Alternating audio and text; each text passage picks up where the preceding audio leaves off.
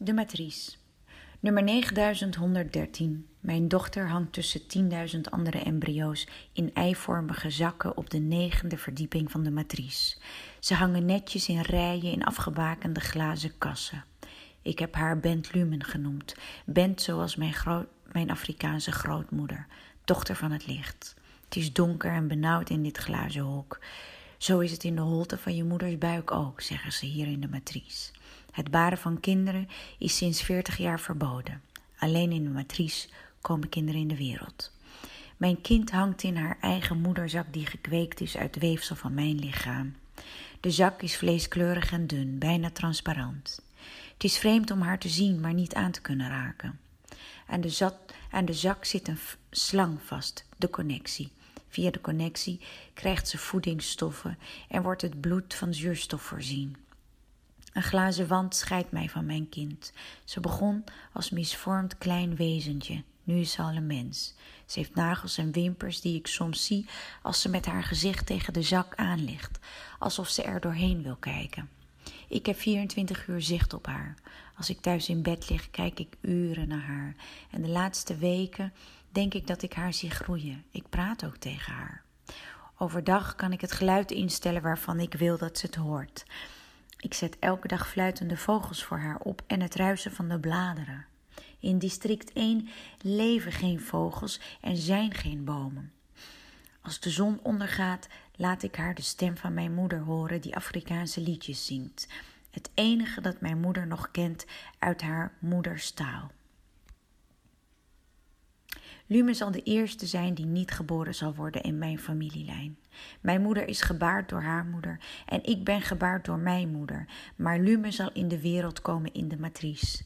Dat ligt in, de hart, in het hart van de stad of district 1, zoals het officieel heet. Ik haat het, dit fucking hart van de stad met zijn beton. Ik kom hier alleen uit noodzaak.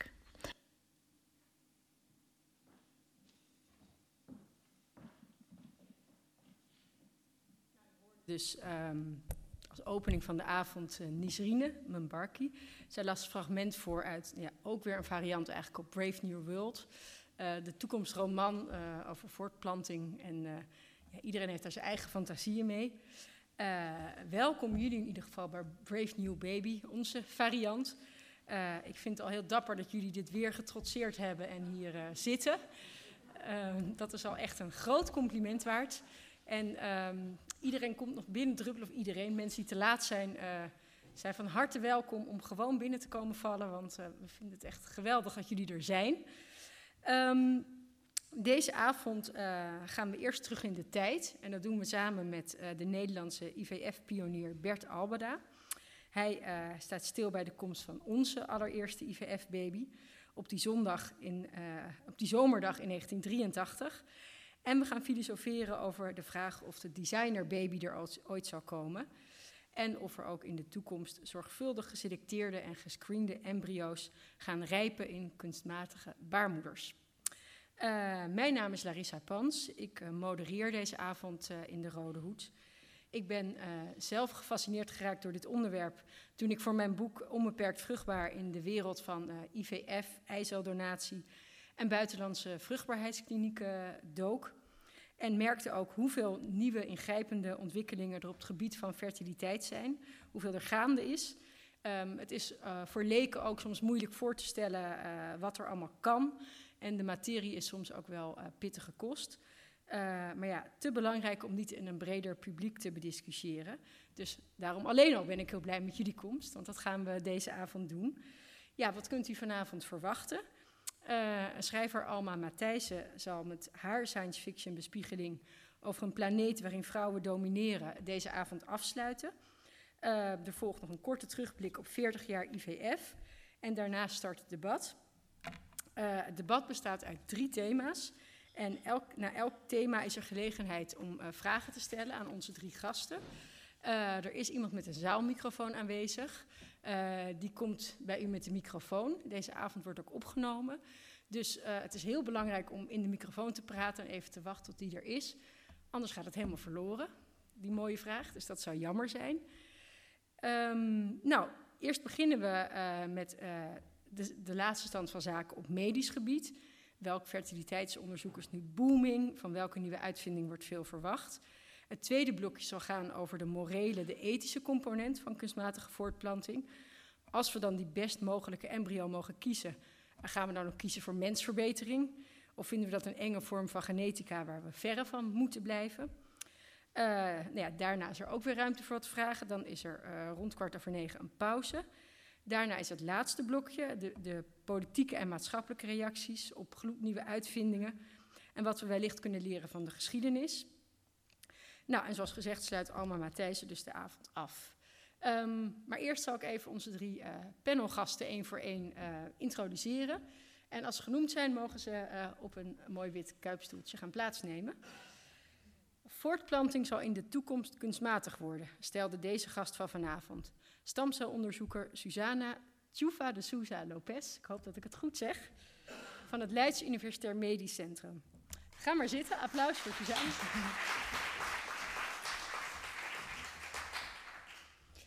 En je zei ook nog tegen mij, er is geen weg terug. Wij gaan het je vragen vanavond. De tweede gast is uh, Bert Alberda, al even genoemd. Ook graag applaus voor hem.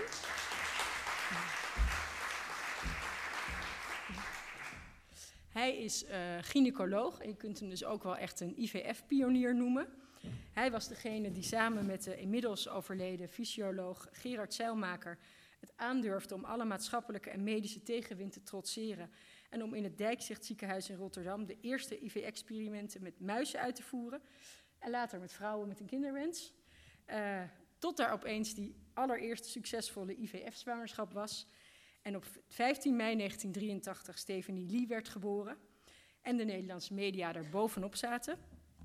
Uh, de heer Alberda is net met pensioen, maar hij volgt de nieuwste ontwikkelingen op fertiliteitsgebied nog altijd met veel interesse. Onze derde gast is Eline Bunning.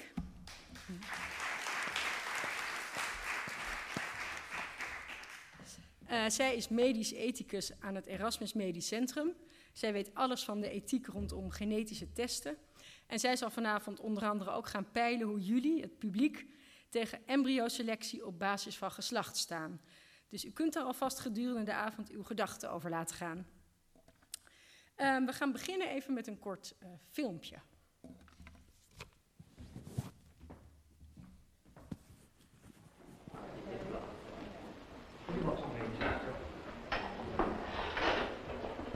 Uh, this is Mrs. Leslie Brown, who is now 38 weeks pregnant, and she's had a persistent toxemia. All our tests have shown that the growth of the baby is satisfactory and that it's mature. My niece, this is Dr. Finley Campbell. Dr. John Webster is assisting. My theatre sister is Sister Astral.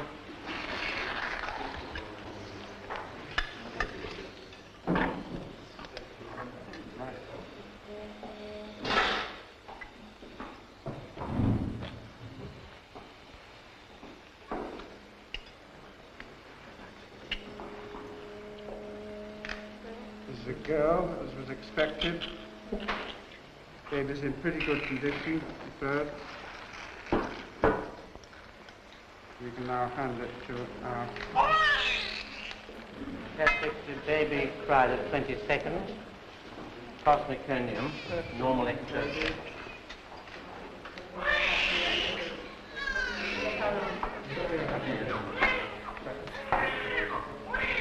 Everything's normal ectopy.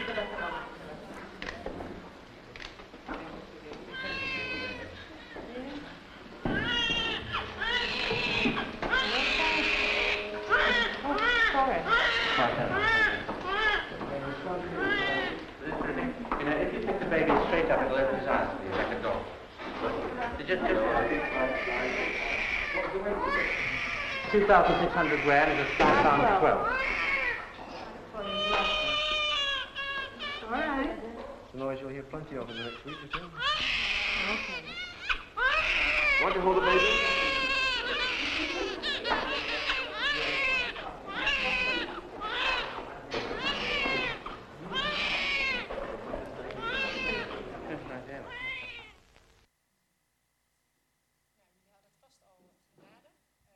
Dit is geen gewone bevalling. Dit was natuurlijk de allereerste IVF-baby ter wereld.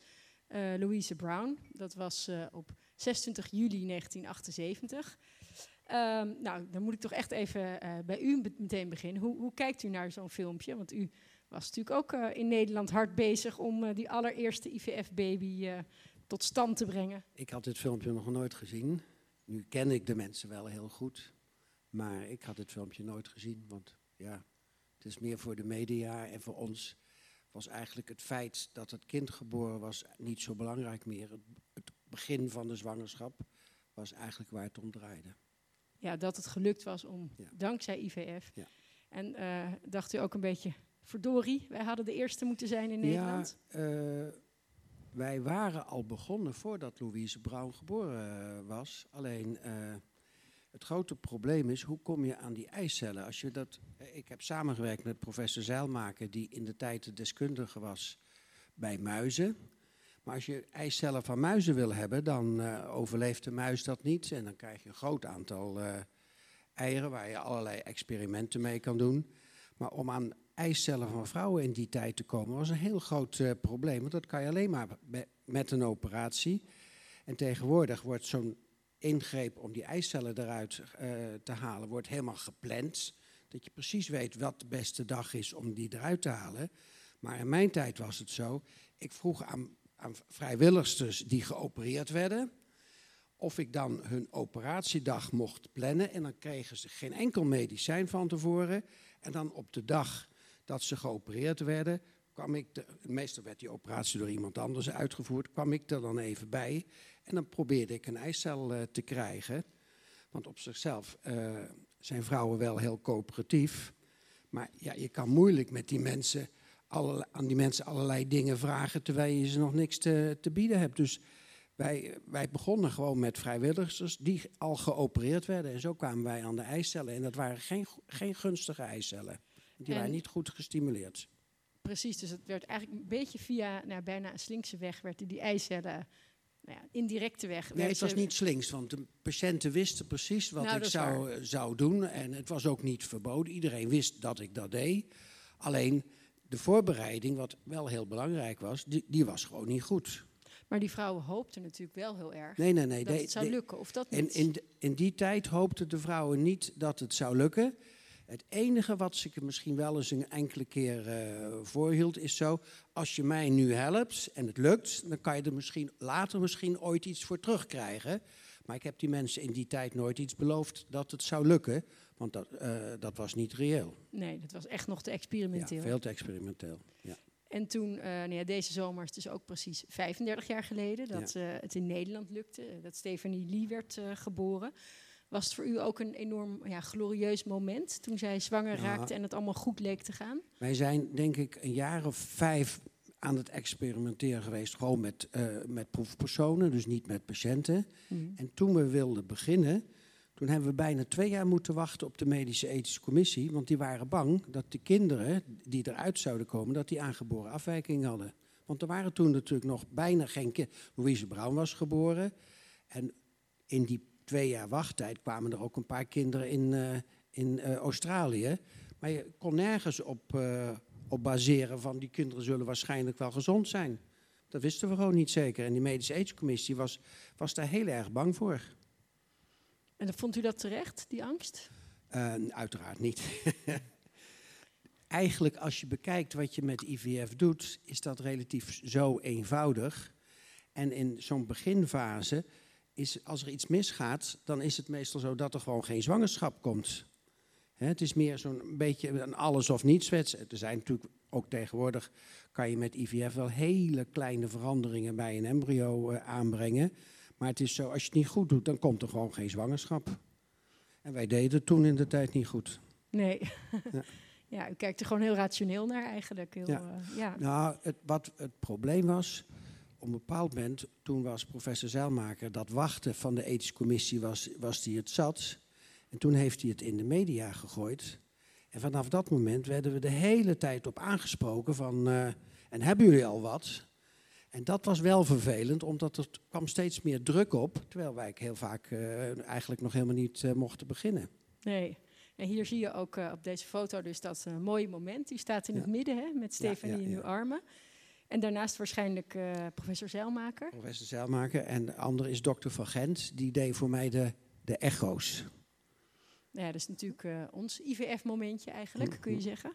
Ehm, nou ja, eh, inmiddels zijn we natuurlijk heel veel jaren verder. Is het een enorm geaccepteerde medische behandeling geworden. Hè? Al 7 miljoen IVF-kinderen wereldwijd. Heeft dat u verbaasd dat er eerst zoveel weerstand was en dat het nu zo ja, genormaliseerd bijna is geworden? Nee, eigenlijk, kijk, het heeft me verbaasd dat het misschien gelukt is in het begin. Maar toen het eenmaal eh, van de grond kwam, kon je aannemen dat het een geweldige vlucht neemt. Want vruchtbaarheid is een heel groot eh, probleem in de hele wereld. Hè, in eh, Timbuktu doen ze ook IVF hoor, dat is helemaal geen probleem. Ja, dus het was gewoon een vinding waar een heleboel mensen Ja, ja. gebruik van. Ja, nou, we gaan even terug naar het nu. Dit was even een korte terugblik. Ehm, eh, het wordt eh, een, een, een medisch eh, blokje met hulp van Susanna. Want we hebben namelijk een aantal in het oog springende nieuwe fertiliteitsvindingen op een rijtje gezet.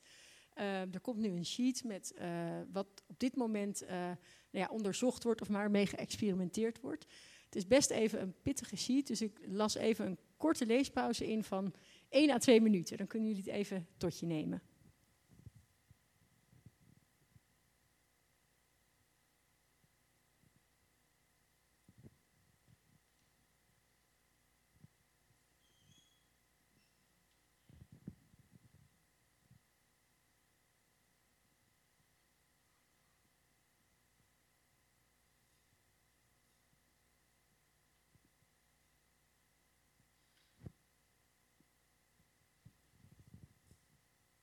Dit is. Volgens mij zit iedereen nog heel erg te lezen. Nee, hè? Misschien ben ik wel iets te optimistisch. Susanna, eh, ik kom even bij jou. Ehm, waar verwacht jij nou heel veel van? Jij doet zelf eh, stamcelonderzoek. Ehm, nou, misschien moet je eerst even uitleggen wat, je, wat, wat jouw onderzoek precies inhoudt. Uh, ik hou me bezig met het leren hoe ik oocyten kan rijpen in het laboratorium. Hoe je eicellen kan laten rijpen, hè? Ja, precies. Ja. Zei ik nou iets gaars? Nou, oocyt, ik dacht dat okay, moeten we even eitjes, ja, vertalen. Ja, precies. Dus uh, ik uh, gebruik eigenlijk eierstokken van patiënten die kanker hebben en worden bestraald. En als dat gebeurt, uh, dan de eicellen in de eierstokken die worden beschadigd. Dus wat er nu aangeboden wordt, in elk geval in Leiden, is dat de patiënten als zij willen, kunnen een eierstok uh, eruit halen voordat ze de behandeling ingaan. En die eierstok wordt ingevroren. En dan als ze kankervrij uh, zijn, kunnen zij terugkomen. En de stukjes van de eierstok kunnen dan terug in de lichaam. En kunnen die vrouwen uh, eventueel een, weer zijn fertiliteit, in elk geval een ei laten rijpen, et cetera. Dat is eigenlijk uh, best een ingrijpend uh, iets voor die vrouwen. Het kan ook niet bij alle kankers. Um, en het, het, lukt niet zo goed. Dus wat wij willen is uh, dat proces van eitjes rijpen in het laboratorium laten gebeuren. Zodat als die vrouwen op het moment dat ze weer een kind willen, dat ze dat niet hoeven te ondergaan, nou, een operatie, uh, een stukje eierstok. Dus daar ben ik mee bezig. Dus eigenlijk ook dat je op die manier die voortplanting uh, een beetje buiten de baarmoeder om al kan regelen. Niet buiten de baarmoeder, maar buiten de eierstok. Ja, buiten de eierstok om, ja. Waarom niet gewoon eicellen invriezen?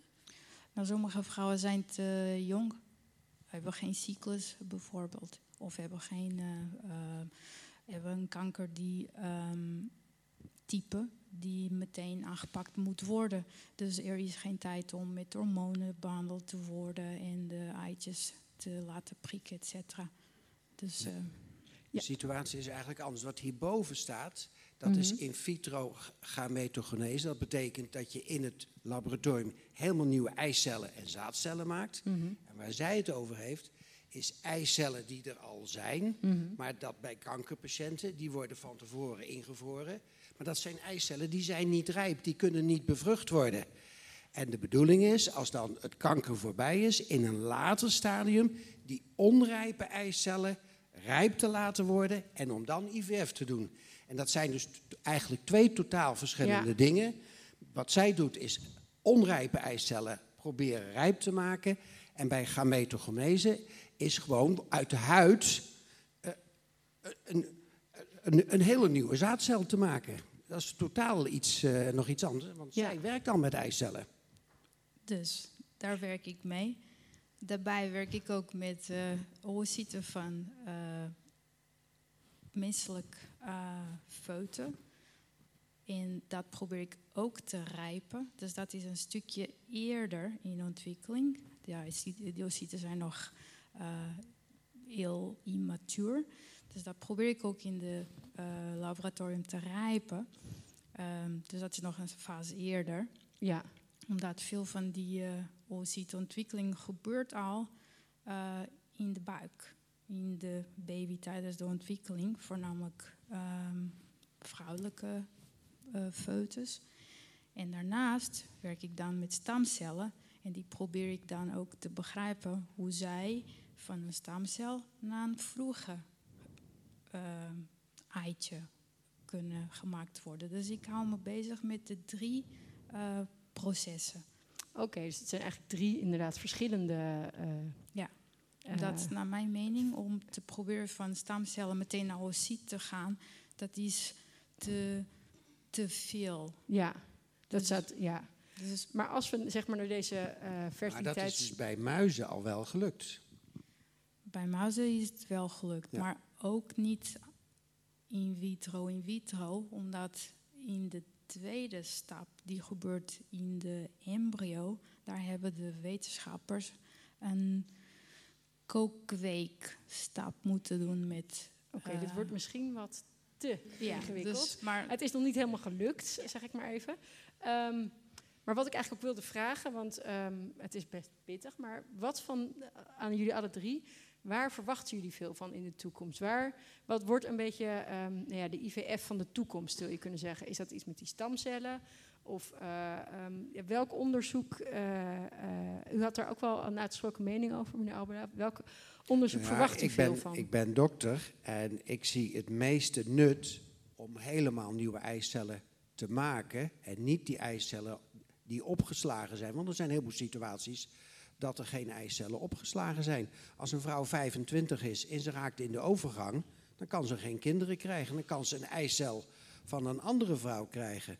Maar als je die eicellen uit een, uit een, een cel van je huid kan maken, dat je dan een volwaardige eicel kan krijgen, dat is waar, uh, waar de mensen om zullen vragen. Hè, ja. Als dat zou kunnen, hè, dat is. Uh, dus geslachtscellen uit huidcellen. Helemaal nieuwe geslachtscellen uh, maken. Ja. En uh, op zichzelf is het mooi als je eicellen verder kan laten rijpen. Maar dan moet je die eicellen al hebben. En dan zijn die vrouwen die op oudere leeftijd in de overgang komen, die hebben helemaal nooit eicellen laten invriezen of laten bewaren. Ja, en dus die dat andere eigenlijk... is, is medisch gezien een veel grotere doorbraak als dat zou lukken. Dus daar zet u zeg maar uw kaarten op. Um, durft u er ook een voorspelling aan te hangen van binnen 10 jaar, 20 jaar, uh, 30 nou, jaar? Ik heb begrepen dat mensen die er verstand van hebben, dat die zeggen dat het nog wel 10 jaar duurt. Maar ik ben optimistisch, maar ik heb er geen echte verstand van, want ik ben nog maar gynaecoloog. En ik denk dat het veel eerder lukt. Het is genoteerd. Um, Eline? Um, ik denk ook wel dat, uh, dat IVG, dat is op zich weer een mooie nieuwe term. Ik denk dat daar op zich inderdaad wel vragen naar zou kunnen gaan ontstaan. Uh, mensen vinden het belangrijk om een genetisch eigen kind te kunnen krijgen. Dat is toch een breed gedragen wens. En een tweede puntje is natuurlijk ook dat als je een eicel van een ander nodig hebt, dan betekent dat ook die ander aanwezig is in deze wereld, in het leven van dat kind misschien. Ja. Um, en die ander heeft daar misschien, ondervindt daar misschien ook uh, positieve uh, aspecten aan, maar er zitten natuurlijk ook soms wel negatieve aspecten aan. Dat gaat niet altijd goed. Natuurlijk het doneren van genetisch eigen materiaal om een ander te Mhm. helpen een kind te krijgen. Ook voor dat kind. Uh, dus ik, ik, kan me voorstellen dat daar inderdaad wel vraag naar zou kunnen zijn. Ja. Ik durf niet te voorspellen hoe lang dat gaat duren. Vaak hoor je tien jaar. Tien jaar is een, lijkt een veilige tijd. Hè? Susanna kijkt heel, oh sorry. Susanna kijkt heel verbaasd. Wat, uh, wat is jouw inschatting? En, nou, ik kijk niet speciaal Oh. verbaasd. Maar uh, ik ben een beetje mee eens. Uh, misschien tien jaar, misschien eerder. Het hangt ook een beetje van hoeveel in geïnvesteerd wordt om dit soort kweekmogelijkheden te investeren. Ik heb niet het idee dat uh, bijvoorbeeld in Nederland heel veel geld investeerd wordt om dit soort technieken te ontwikkelen. Is Nederland toch wel heel voorzichtig, heel terughoudend? Ja, en mensen gaan niet dood van onvruchtbaar zijn. En als er veel geïnvesteerd wordt, ook van de overheid of andere funding instanties, natuurlijk wordt er veel aan gewerkt en kunnen dingen uh, gewoon meer progressie maken. Als er niet in geïnvesteerd wordt, dan kan er geen onderzoek aan gedaan worden en dan zal de techniek ook niet ontwikkeld worden, hoewel het mogelijk is. Of maar zou kunnen zijn. Dus het is, de Ja. tijd en de geld is een beetje aan elkaar gecorreleerd. En, en regels natuurlijk. Want je ziet natuurlijk in eh, landen waar regels minder streng zijn, dat er natuurlijk meer geëxperimenteerd kan worden. Eh, in de Verenigde Staten is, eh, is, is nog een van de nieuwe uitvindingen is celkerntransplantatie. Ehm, dat is eigenlijk de ontwikkeling dat, dus noemen het de three-parent baby, dat er uit twee eicellen en één geslachtscel een kindje komt. En dan wordt de eicel van een eh, gezonde donor uitgehold. En dan komt daar de eicel van een wensmoeder eh, in en een zaadcel. Dus het bestaat eigenlijk uit, eh, het staat inderdaad ook hier bij ja, celkerntransplantatie. Ehm, nou ja, die baby is al geboren in de Verenigde Staten in 2016. Maar dat gebeurt ook al in de UK. Ja, en is verwekt in Mexico, eh, waar weinig regels gelden op dat terrein.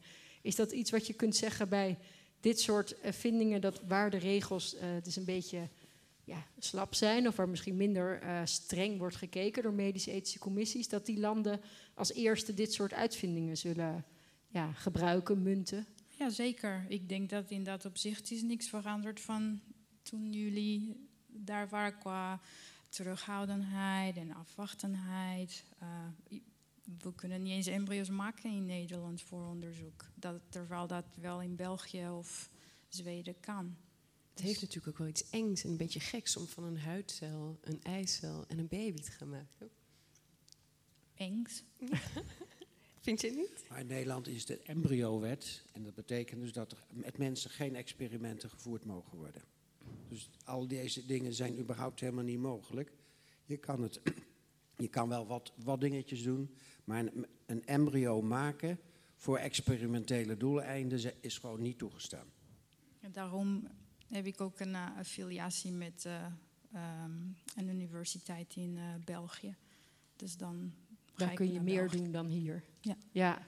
Dus hier zal toch niet de grote doorbraak gaan gebeuren dan, als ik het zo beluister. Dat weet ik niet. Werken in Nederland heeft ook andere voordelen. En ik denk niet dat voor IWG de eerste stap van stamcellen naar heel uh, immatuur uh, nou ja, uh, geslachtscel het probleem is. Het probleem is dan het in meiose gaan.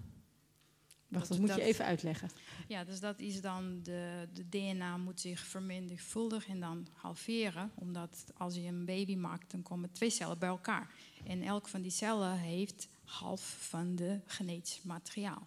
Dan komt de moeder Mm. DNA en de vader en dan krijg je gewoon een geheel uh, DNA-pakket, zeg maar.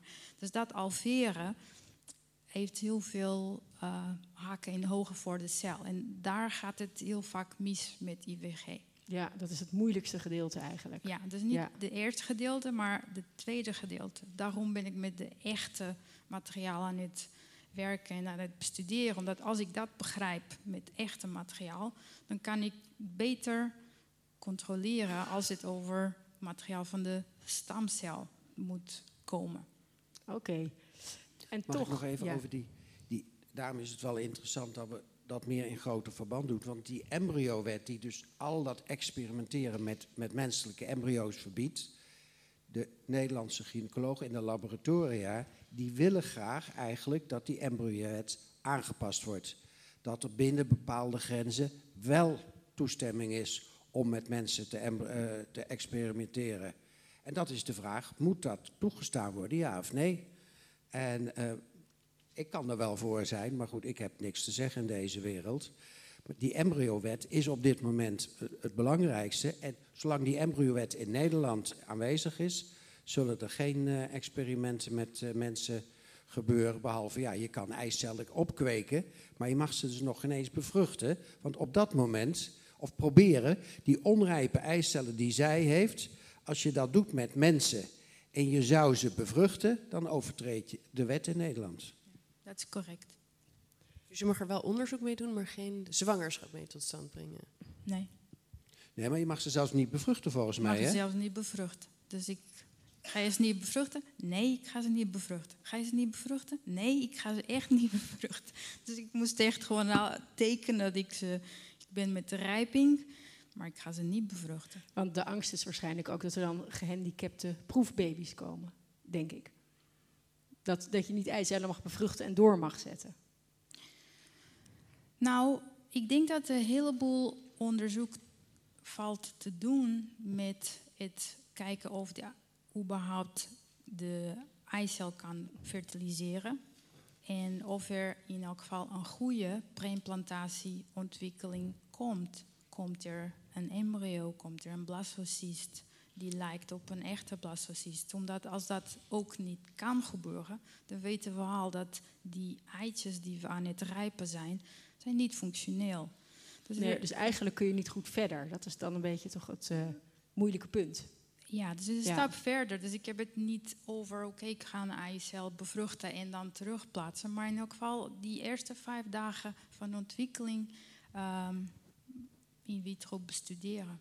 Ja. Kijken of Dossi doet wat hij moet doen. Eh, Eline, ja, hoort het zo aan. Hè? Zij vinden, denk ik, als ik voor jullie mag spreken, dat het misschien eh, wel iets verder mag gaan, het onderzoek. Eh, jij bent medisch ethicus. Ehm, hoe kijk jij er tegenaan? Ehm, nou ja, ehm, ik, ik hoor de, de vraag bij onderzoekers, inderdaad, die speelt al een tijdje naar mogelijkheden om misschien die embryo-wet te verruimen. Ik denk dat er misschien inderdaad wel goede redenen zouden kunnen zijn om dat te doen. Ehm, waar we natuurlijk bang voor zijn, en jij zei het eigenlijk al, zijn nadelige gevolgen voor kinderen.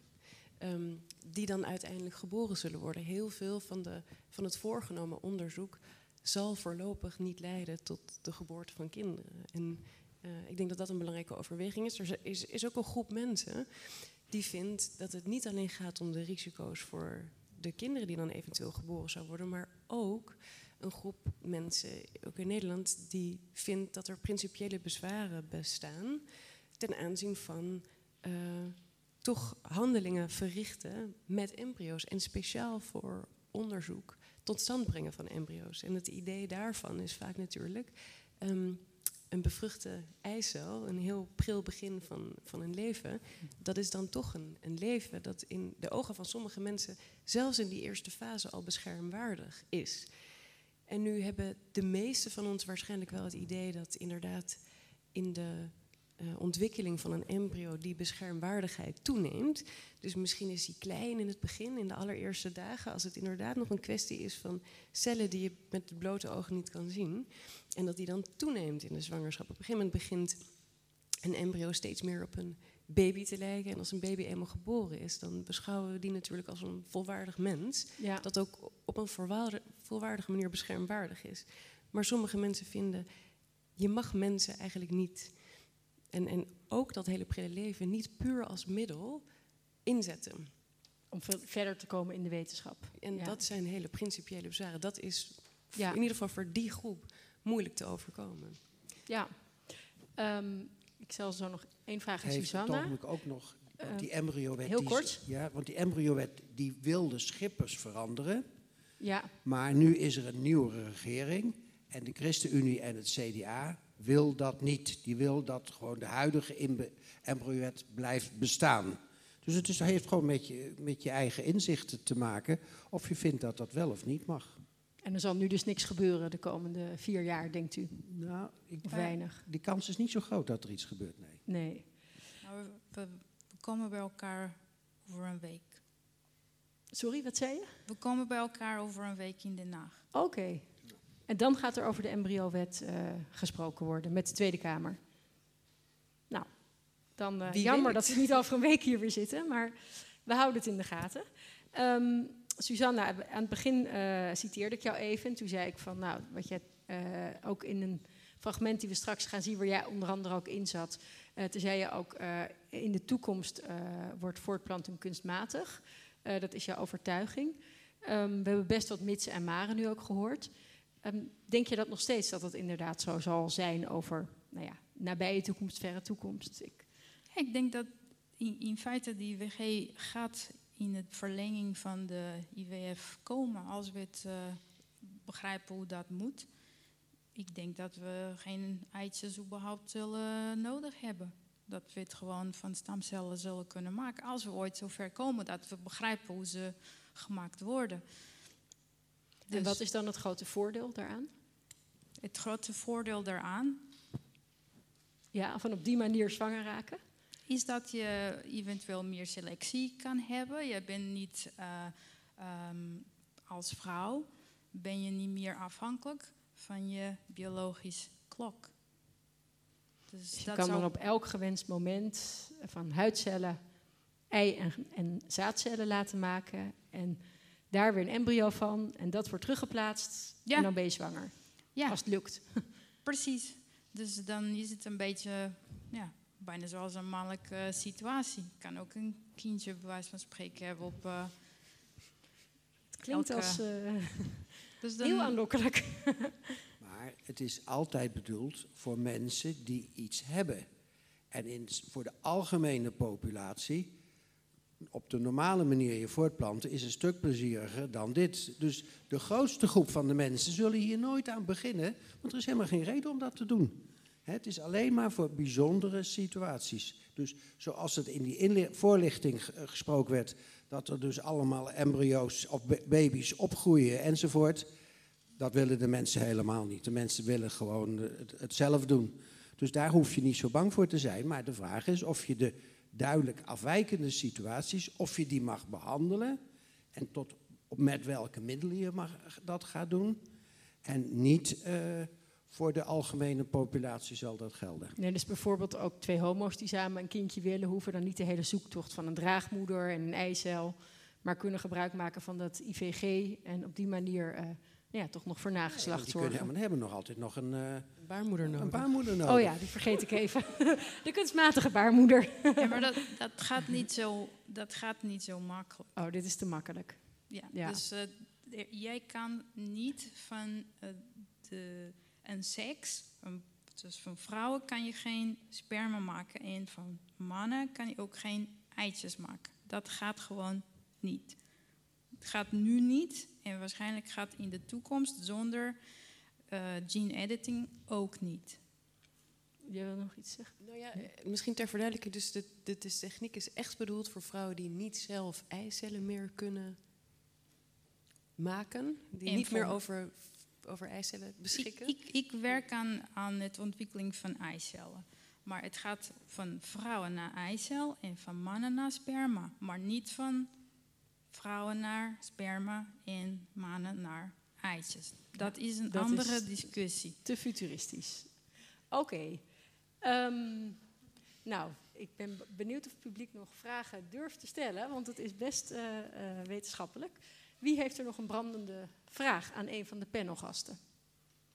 En dan is er, even kijken, Eva is hier trouwens met de microfoon, dus die komt. eh, Wat is jullie mening over antinatalism en David Benatar? Ehm, die vraag behoeft iets van uitleg. Aan de medisch ethicus, ik weet niet of je daarmee bekend bent, gezien uw vakgebied? Het komt me bekend voor. Eh, ja, Ehm, Volgens mij heb je deze vraag vorige maand ook eens gesteld. dat niet? klopt. Maar daar kreeg ik niet echt een eh, ja, voldoende antwoord op. Ehm, als ik me goed herinner, is het de gedachte dat je het eigenlijk een kind niet mag aandoen om het geboren te laten worden. Ja, zo Ja. zou je het kunnen samenvatten. Ehm, ik heb dat eigenlijk, ik heb die gedachte tot je hem vorige maand stelde, nooit serieus overwogen. Eh, en ik, ik ondersteun eigenlijk het idee ook niet. Ik weet niet of je een kind ehm, goed doet door het in leven te brengen, maar ik denk ook zeker niet dat je een kind schaadt door het in leven te brengen. Ehm, ik denk dat ik het, eh, tenzij jij nog iets heel dringends daarover wil zeggen, maar zou ik het op zich hierbij willen laten? Ehm, ja, ik zou je dan aan kunnen raden dat boek van David Benatar te gaan lezen, want hij eh, geeft dat intellectuele onderbouwing. Goed. Nou, ik heb nog, ben nog e- even heel benieuwd ehm, waarom je deze vraag zo graag wilde stellen. Het is toch de onderliggende, het onderliggende thema van deze hele avond, zou ik zeggen. Moet je überhaupt leven voortbrengen? Eh, dan kan je wel over de ja, technische dingen gaan praten. Maar als je niet zeker weet of je dat überhaupt wel wil. Ja. En, en vind jij zelf dat, dat het eigenlijk dus niet zou moeten? Ja. ja. En waarom? Omdat als, je, als we kijken naar het leven, kan je wel vaststellen dat het niet bepaald bedoeld is om leuk te zijn of dat het dus nut heeft. Eh, en dient ten gevolg heeft het ook niet heel veel nut om meer mensen voor te brengen. Een beetje een eh, nihilistische benadering. Ja, ja. als, je, als je het leven hedonistisch eh, zou bekijken of in allerlei andere aspecten, kom je toch snel tot de conclusie dat het. eh, het, is, het, is heel, het is heel veel illusie. Oké, ehm, wil iemand daar nog op reageren of moet ik door naar een volgende vraag? Ik denk dat we dan doorgaan. Ehm, Better Never to Have Been door David Benatar. Oké, nou, dat is duidelijk. Ja, daarachter. Mariette Gordijn, AMC. Ik heb een vraag voor dokter Alberda. Ik heb eh, bewondering voor de begintijd van de IVF eh, in Nederland. En ik zou eigenlijk graag nog iets van ervaringsverhaal daarin horen. We weten vanuit Engeland wel heel veel dat er veel tegenwerking was vanuit de kerk, vanuit eh, de publieke opinie. Hoe, hoe was het toen? Was er ook steun in Nederland om, om dat onderzoek te doen en de eerste IVF-pogingen te starten vanuit patiënten, kerk, et cetera? Wat, wat gebeurde er allemaal? Toen ik, eh, toen ik begon, was professor Zeilmaker, dat is een bioloog. En die was buitengewoon vooraanstaand in de wereld. En die had alle eh, academische ziekenhuizen in Nederland gevraagd om met hem samen te werken. Omdat hij bioloog was, kon hij niet aan menselijk materiaal komen. En in die tijd wilde geen enkel academisch ziekenhuis met hem eh, samenwerken. En ik kwam heel toevallig bij hem. Ik was nog maar net met mijn opleiding begonnen. Ik was toen 6 of 27. En hij vroeg het ook aan mij, niet wetende dat ik eigenlijk helemaal niet de goede persoon was. Maar ik zei geen nee, maar ik zei ja, ik vind het leuk om te gaan doen. En zo zijn wij begonnen. En eh, alle andere ziekenhuizen die wilden dat gewoon niet, want die dachten dat is heel veel werk en het wordt toch niks. Er was eigenlijk weinig weerstand verder. Nou, er was, Behalve heel, er was heel veel verschil. Er waren mensen die zeiden, je hoeft niet in het leven in te grijpen. Er waren mensen die vonden, deden dat op godsdienstige redenen. Er waren heel veel. En er waren ook bijvoorbeeld in het begin, waren bijvoorbeeld feministen die zeiden... het is belachelijk dat je als vrouw zoveel moeite gaat doen om een kind te krijgen. Er zijn wel veel belangrijke dingen in de wereld. Ik heb daar wel discussie over gehad. En toen had ik op een bepaald moment tuk toen ik zei van dat is goed, maar dan hoeven we ook geen lesbische vrouwen te helpen. En toen zeiden ze opeens, ja, maar lesbische vrouwen die moeten wel IVF hebben. En toen was het opeens totaal eh, het tegenovergestelde, want ze vonden gewoon het krijgen van kinderen is niet het eerste levensdoel eh, in deze wereld. Maar iedereen had verschillende argumenten om er tegen te zijn. Ja, en u vertelde ook dat eh, toen u bezig was met die eerste IVF-experiment, IVF-experiment in het ziekenhuis, dat er ook door uw collega's er ook wel een beetje, nou ja, kritisch werd gekeken als u weer de operatiekamer nodig had, toch? Dat Nou dat eigenlijk een beetje als, ja, Tegenwoordig is het zo, dat gebeurt allemaal gewoon met een, met een En die eicellen worden via de schede eruit gehaald. Maar toen moest daar een operatie voor eh, gedaan worden. En als ik vond dat dat op zaterdag of zondag gedaan moest worden, dan moest de operatiekamer daar klaar voor gemaakt worden. En de anesthesist zei, daar is de operatiekamer in het weekend helemaal niet voor bedoeld. Dan moet gewoon, uh, dan moet er voor spoedgevallen moet dat vrijgehouden worden. Dus dat viel helemaal niet mee. Nee, dus er werd toch ook wel uh, met enige ja, ja. argwaan naar gekeken. Ja. ja. Um, zijn er ve verder nog vragen? Nee, dan um, wilde ik even doorgaan met het volgende blokje. Um, dat begint met een fragment. Uh, dat is het blokje ja, moreel-ethisch, noem ik hem maar even. Uh, met een fragment van een serie die jullie misschien gezien hebben. Uh, de Volmaakte Mens van de VPRO. Bas Heijnen onderzoekt daar ja, hoe wenselijk de designerbaby is. Um, en het start met een fragment van de omstreden Australische filosoof en bioethicus Julian Savulesco. Um, nou ja, en hij vertelt eigenlijk um, hoe hij aankijkt tegen mensverbetering.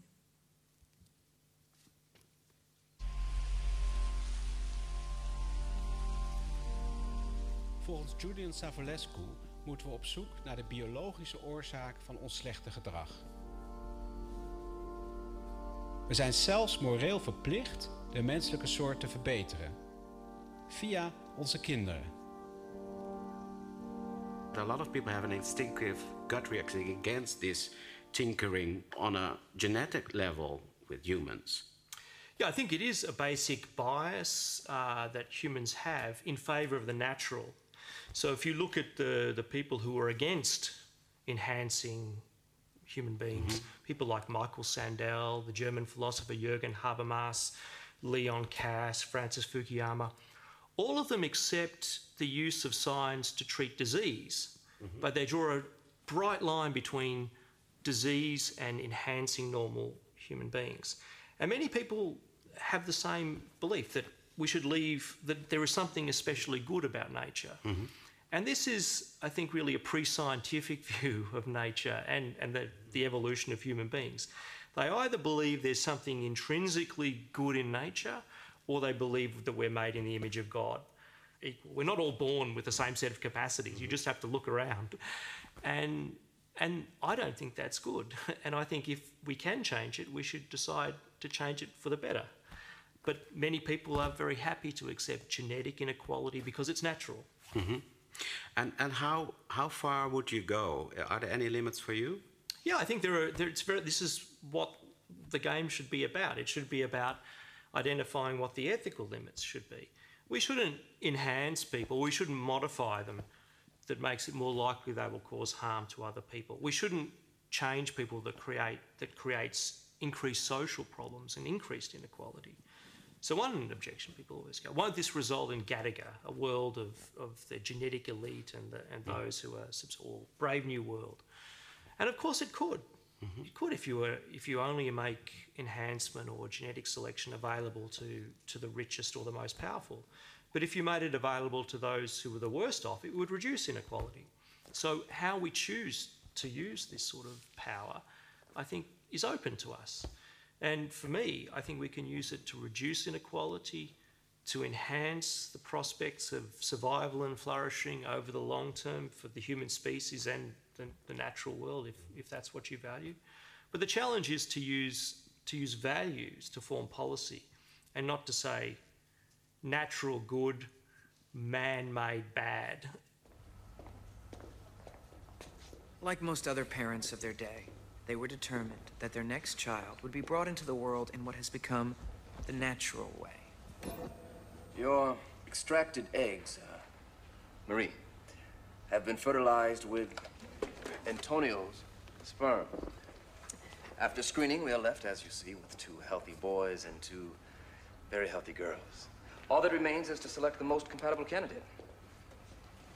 First, we, we may as well decide on gender. Have you given it any thought? Uh, we would want Vincent to have a brother. You have specified hazel eyes, dark hair, and uh, fair skin. Obesity, etc. We didn't want. I mean, diseases, yes. Een kind op bestelling. De toekomst zoals die door Hollywood 20 jaar geleden werd verbeeld, is werkelijkheid geworden.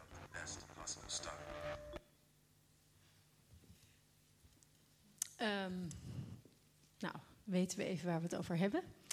Uh, Elina, Eline, hoe kijk jij als medisch ethicus naar uh, een thema als mensverbetering of naar zo'n fragment?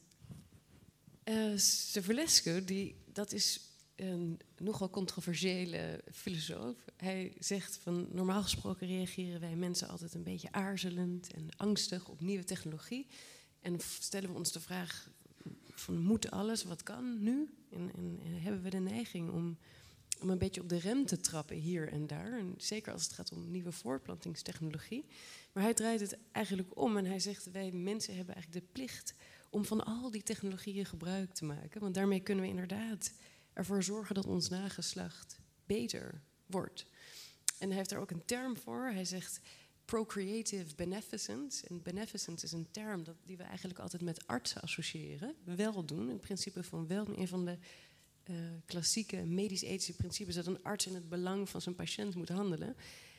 En hij zegt, je moet dat eigenlijk toepassen op de hele voortplanting. En dat geldt voor ons allemaal. Dus wij moeten in het kader van voortplanting alles aangrijpen wat we kunnen. Je moet het beste willen voor je kind, dat is je plicht als ouder eigenlijk. En zelfs het best mogelijke kind maken.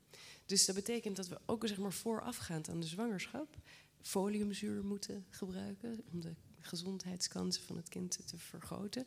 Maar ook gebruik moeten maken van uh, bijvoorbeeld prenatale screening. Om te kijken als er al een zwangerschap is, is dat wel een gezond kind? En er misschien dus zelfs voor moeten kiezen om dat kind dan niet te krijgen. En in plaats daarvan later een ander, gezonder kind te krijgen. En dat gaat best wel ver voor hem. En hij beperkt zich inderdaad niet alleen tot het medische, maar hij trekt dat ook door in het niet-medische. Hij heeft dan ook een andere term. Uh, en hij zegt van net als gezondheid, dat waarderen we om, om gezondheid zelf. Mm -hmm. Iedereen die uh, de griep heeft gehad het afgelopen winterseizoen, die weet hoe lekker het is om je gezond te voelen. Maar gezondheid is ook instrumenteel en het stelt ons in staat om een goed leven te leiden. En zo zijn er meer dingen. Niet alleen gezondheid, maar ook bijvoorbeeld intelligentie. Um, kan ons helpen bij het uh, leiden van een, van een leven waarin we een beter welbevinden hebben, bijvoorbeeld, zegt hij. Dus ook als dat mogelijk zou moeten zijn, dan, dan, dan zou je dat dan moeten doen. Dat ben je eigenlijk verplicht aan je nageslacht. Maar dat is natuurlijk, uh, dat roept allerlei weerstand op, uh, begrijpelijkerwijze. Ja. En wat vind jij zelf? Vind je dat veel te ver gaan? Want dat klinkt wel door in jouw woorden. Ja. Um, een filosoof die van leer trok tegen dit standpunt van Savulescu, die zo eet van als we dit gaan doen, dan wordt het eigenlijk een soort van race naar de top. Het houdt nergens meer op. Mhm. Mm -hmm. En ook veel van die, van die dingen waar Savulescu het dan over heeft, zoals intelligentie of schoonheid, dat heeft zin in vergelijking met andere mensen. Dus je hebt vooral iets aan intelligentie voor zover het je zeg maar, een competitief voordeel geeft. Dus je, je bent Mhm. slimmer dan een ander. En als we nou allemaal een tandje slimmer worden, dan heeft eigenlijk niemand er meer iets aan. En iemand zei van als we nou allemaal op onze tenen gaan staan, dan kan niemand meer eroverheen kijken. Dan kan niemand eigenlijk beter zien. En- Dus eigenlijk belanden we dan met z'n allen in een, rat, een ratrace waar we eigenlijk niet beter uitkomen. Is. Maar kan het ook niet zo zijn dat, ehm, dat het misschien juist best zal aanslaan in onze prestatiemaatschappij met, met potentiële ouders die ja, het beste kind willen krijgen? Is dat niet iets misschien ook van deze tijd van, nou als er wat te kiezen valt, willen we dat misschien ook wel graag? Ja, die neiging hebben we natuurlijk. En ehm, misschien is, dat, is dit dan ook een moment om het over eh, gender te hebben. Als we dingen kunnen kiezen, willen we dat, willen Ja. we dat dan? Ehm, ik zelf ben daar wel geïnteresseerd in. Ja, we wilden nog een klein experimentje met de zaal doen. Ja. Ehm, eh, daar had Eline een goed idee over. We gaan even eh, stemmen. Eh, misschien kan jij de vraag even inleiden, ook misschien met de, het rapport van de Gezondheidsraad erbij. Dan mogen jullie er even over nadenken. Het is gewoon een, een eh, gedachte waar ik al een paar jaar eh, mee speel. Het idee is om het, het, wat we doen met koeien, zou je in theorie ook met mensen kunnen doen. Wat we doen met koeien is, we willen niet dat er mannetjes koeien worden, worden geboren, want daar hebben we in de melkindustrie niet zoveel aan. Mannelijk, dus sperma voor mannelijk zaad, met, waarin het Y-chromosoom zit, is wat lichter dan vrouwelijke zaadcellen. En voor koeien wordt er gebruik gemaakt van een soort centrifuge om mannelijke zaadcellen en vrouwelijke zaadcellen te scheiden. In theorie zou je dat dus met menselijk zaad ook kunnen doen. En dan zou je, als je bijvoorbeeld een meisje, een voorkeur voor een meisje zou hebben, dan zou je dat zaad, dat zo gescheiden is, zonder dat er een ingewikkelde medische ingreep voor nodig is, kunnen inbrengen op een vruchtbaar moment. En dan zou je op die manier de kans om een meisje te krijgen of een jongen kunnen verhogen. Genderselectie wordt dit wel eens genoemd. Ehm, dat kan heel technisch ingewikkeld, maar het kan dus ook op zo'n soort van koeienmanier zou dat kunnen. Ook dit mag niet, omdat we de embryo-wet hebben in Nederland. Maar stel je nou voor dat dat inderdaad op deze manier veilig zou zijn en ook redelijk betrouwbaar zou zijn. En het enige wat er voor nodig is, is op een vruchtbare dag naar de kliniek gaan samen met je echtgenoot en dan het zaad even door de centrifuge te doen en het dan terug in te brengen. En op die manier zou je dan een voorkeur voor een, een, jongetje of een meisje kunnen hebben. Zouden we dat willen? Zouden we daar gebruik van maken? De Gezondheidsraad heeft bijna twintig jaar geleden, geloof ik, met jaren negentig een rapport geschreven waarin zij stelden. Er zijn eigenlijk geen hele principiële bezwaren tegen het gebruiken van deze techniek. Maar uh, zoals gezegd, het mag helemaal niet. Maar ik dacht, hebben we daar nou interesse in? Als we nou steeds meer kunnen kiezen, zouden we dan ook zoiets willen? Ja, dus de vraag is eigenlijk aan jullie. Stel, uh, je kunt er gebruik van maken en dit is er, zoals Eline het beschrijft.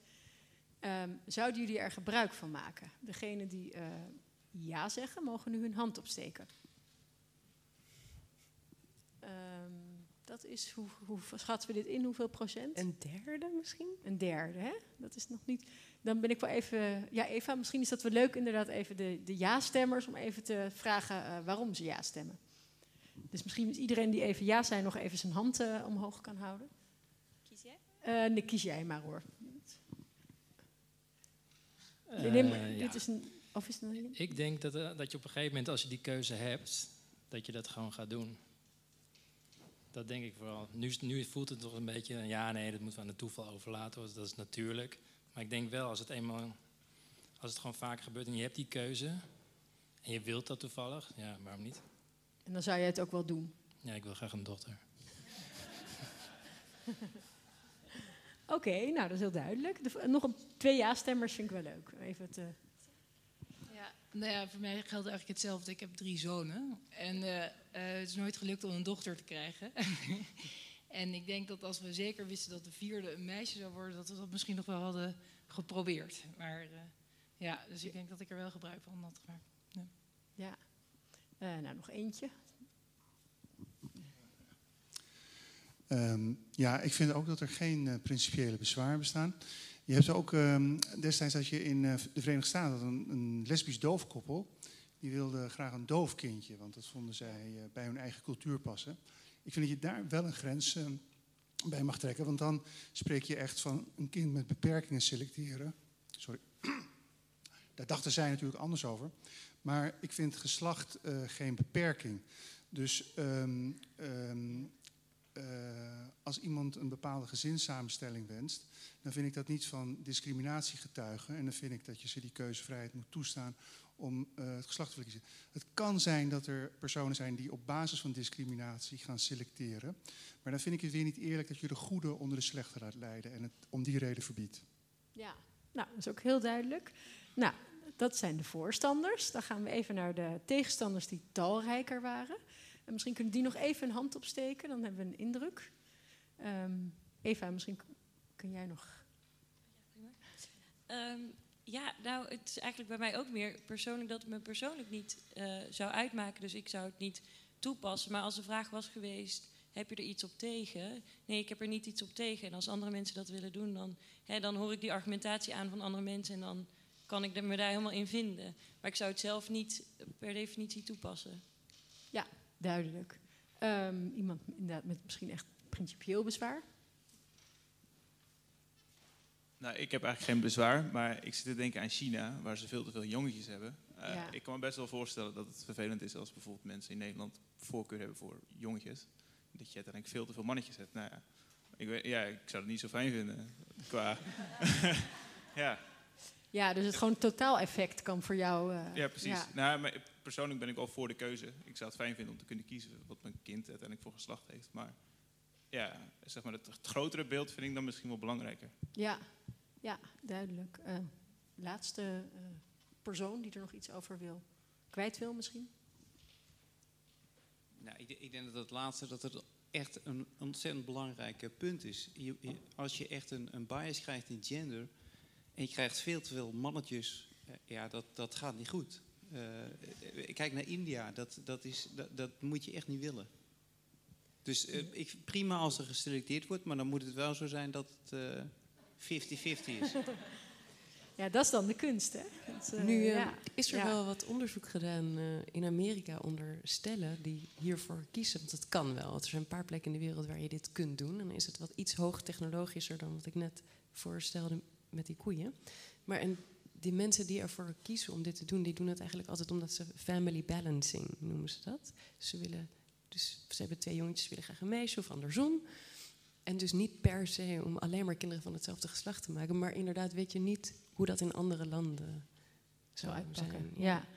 ja. Um, wat zeggen jullie eigenlijk op de stelling, vroeg ik me af. Nou, het is een zo dat zo'n kliniek heeft er in Nederland heel kortdurend bestaan. Ik denk 25 jaar geleden kon je in Utrecht je sperma laten wassen. En dan konden ze bepalen of er meer kans op een jongetje of een meisje was. Dat is verder verboden, maar het is ook niet effectief. Want het gaat niet zo goed. En je mag in Nederland mag je wel je geslacht bepalen als er een genetische oorzaak is. Hè. Denk maar aan kinderen met de ziekte van Duchenne, dat is zo'n spierziekte. Of je kan ook uh, om andere redenen, kan je het, het, medische redenen zijn dat je liever geen jongetje wil hebben. Want het gaat meestal dat die ziektes op het eigen chromosoom zitten, dus bij jongetjes. En dan kan je dus, maar dan moet je dus wel IVF gaan doen. Want simpel scheiden van sperma, dat, je kan het een klein beetje beïnvloeden, maar het is niet effectief genoeg.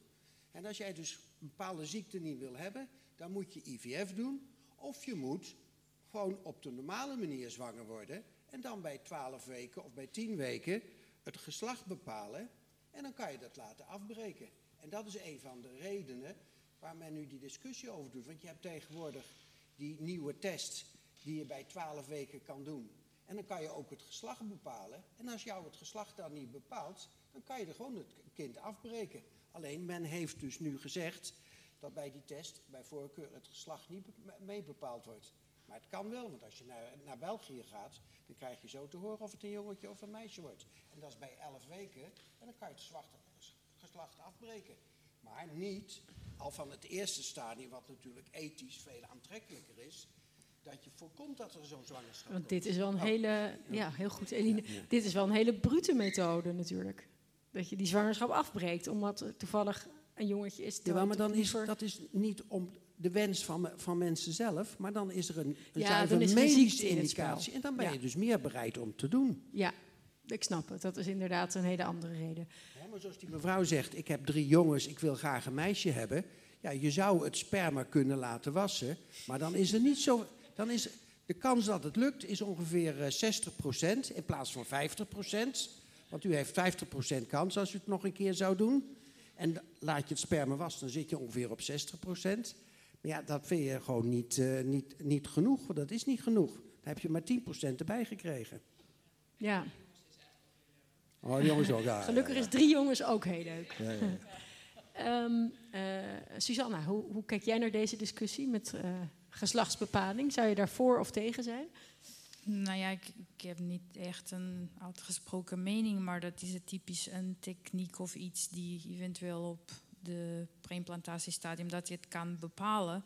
Maar je ziet al hoe de mensen hier verdeeld zijn. Dus als het over een stapje verder gaat met uh, editing en zo. Dat, dat zal ook. Dat, soms heb je technieken of dingen kunnen, maar dat wil niet zeggen dat mensen dat PC willen gebruiken. Nee. Nou, om daar inderdaad nog even op door te gaan. Um, Eline, zijn er eigenlijk een soort red lines op fertiliteitsgebied? Die zijn er natuurlijk. Ja, die zijn er. Zeker. We hebben, de embryo-wet is al een paar keer langsgekomen. En um, een ander voorbeeld, misschien, je had het net over preimplantatie, maar bijvoorbeeld wat we eigenlijk in het filmpje zagen, preimplantatie genetische diagnostiek. Mhm. Dat is dan het idee dat je inderdaad het embryo in een vroeg stadium onderzoekt en dan alleen de gezonde embryo's terugplaatst. En dat Mhm. eh, mensen kunnen daar gebruik van maken als ze bijvoorbeeld een erfelijke ziekte in de familie hebben. En toen deze techniek werd geïntroduceerd in Nederland, toen werd er ook een, een commissie geïnstalleerd die dan het indicatiegebied bewaakt, zo heet dat dan, die dan bepaalt welke stellen voor zo'n techniek in aanmerking komen en welke niet. En dat is dan ook een manier om zeg maar, de grenzen aan te geven van hoe, hoe ga je een techniek dan inzetten. En wat je wel ziet is dat die grenzen vaak een beetje opschuiven door de tijd heen. Dus in het begin ging het dan om eh, erfelijke ziekten die heel zeldzaam zijn en met heel ernstig lijden gepaard gaan Mhm. en onbehandelbaar zijn.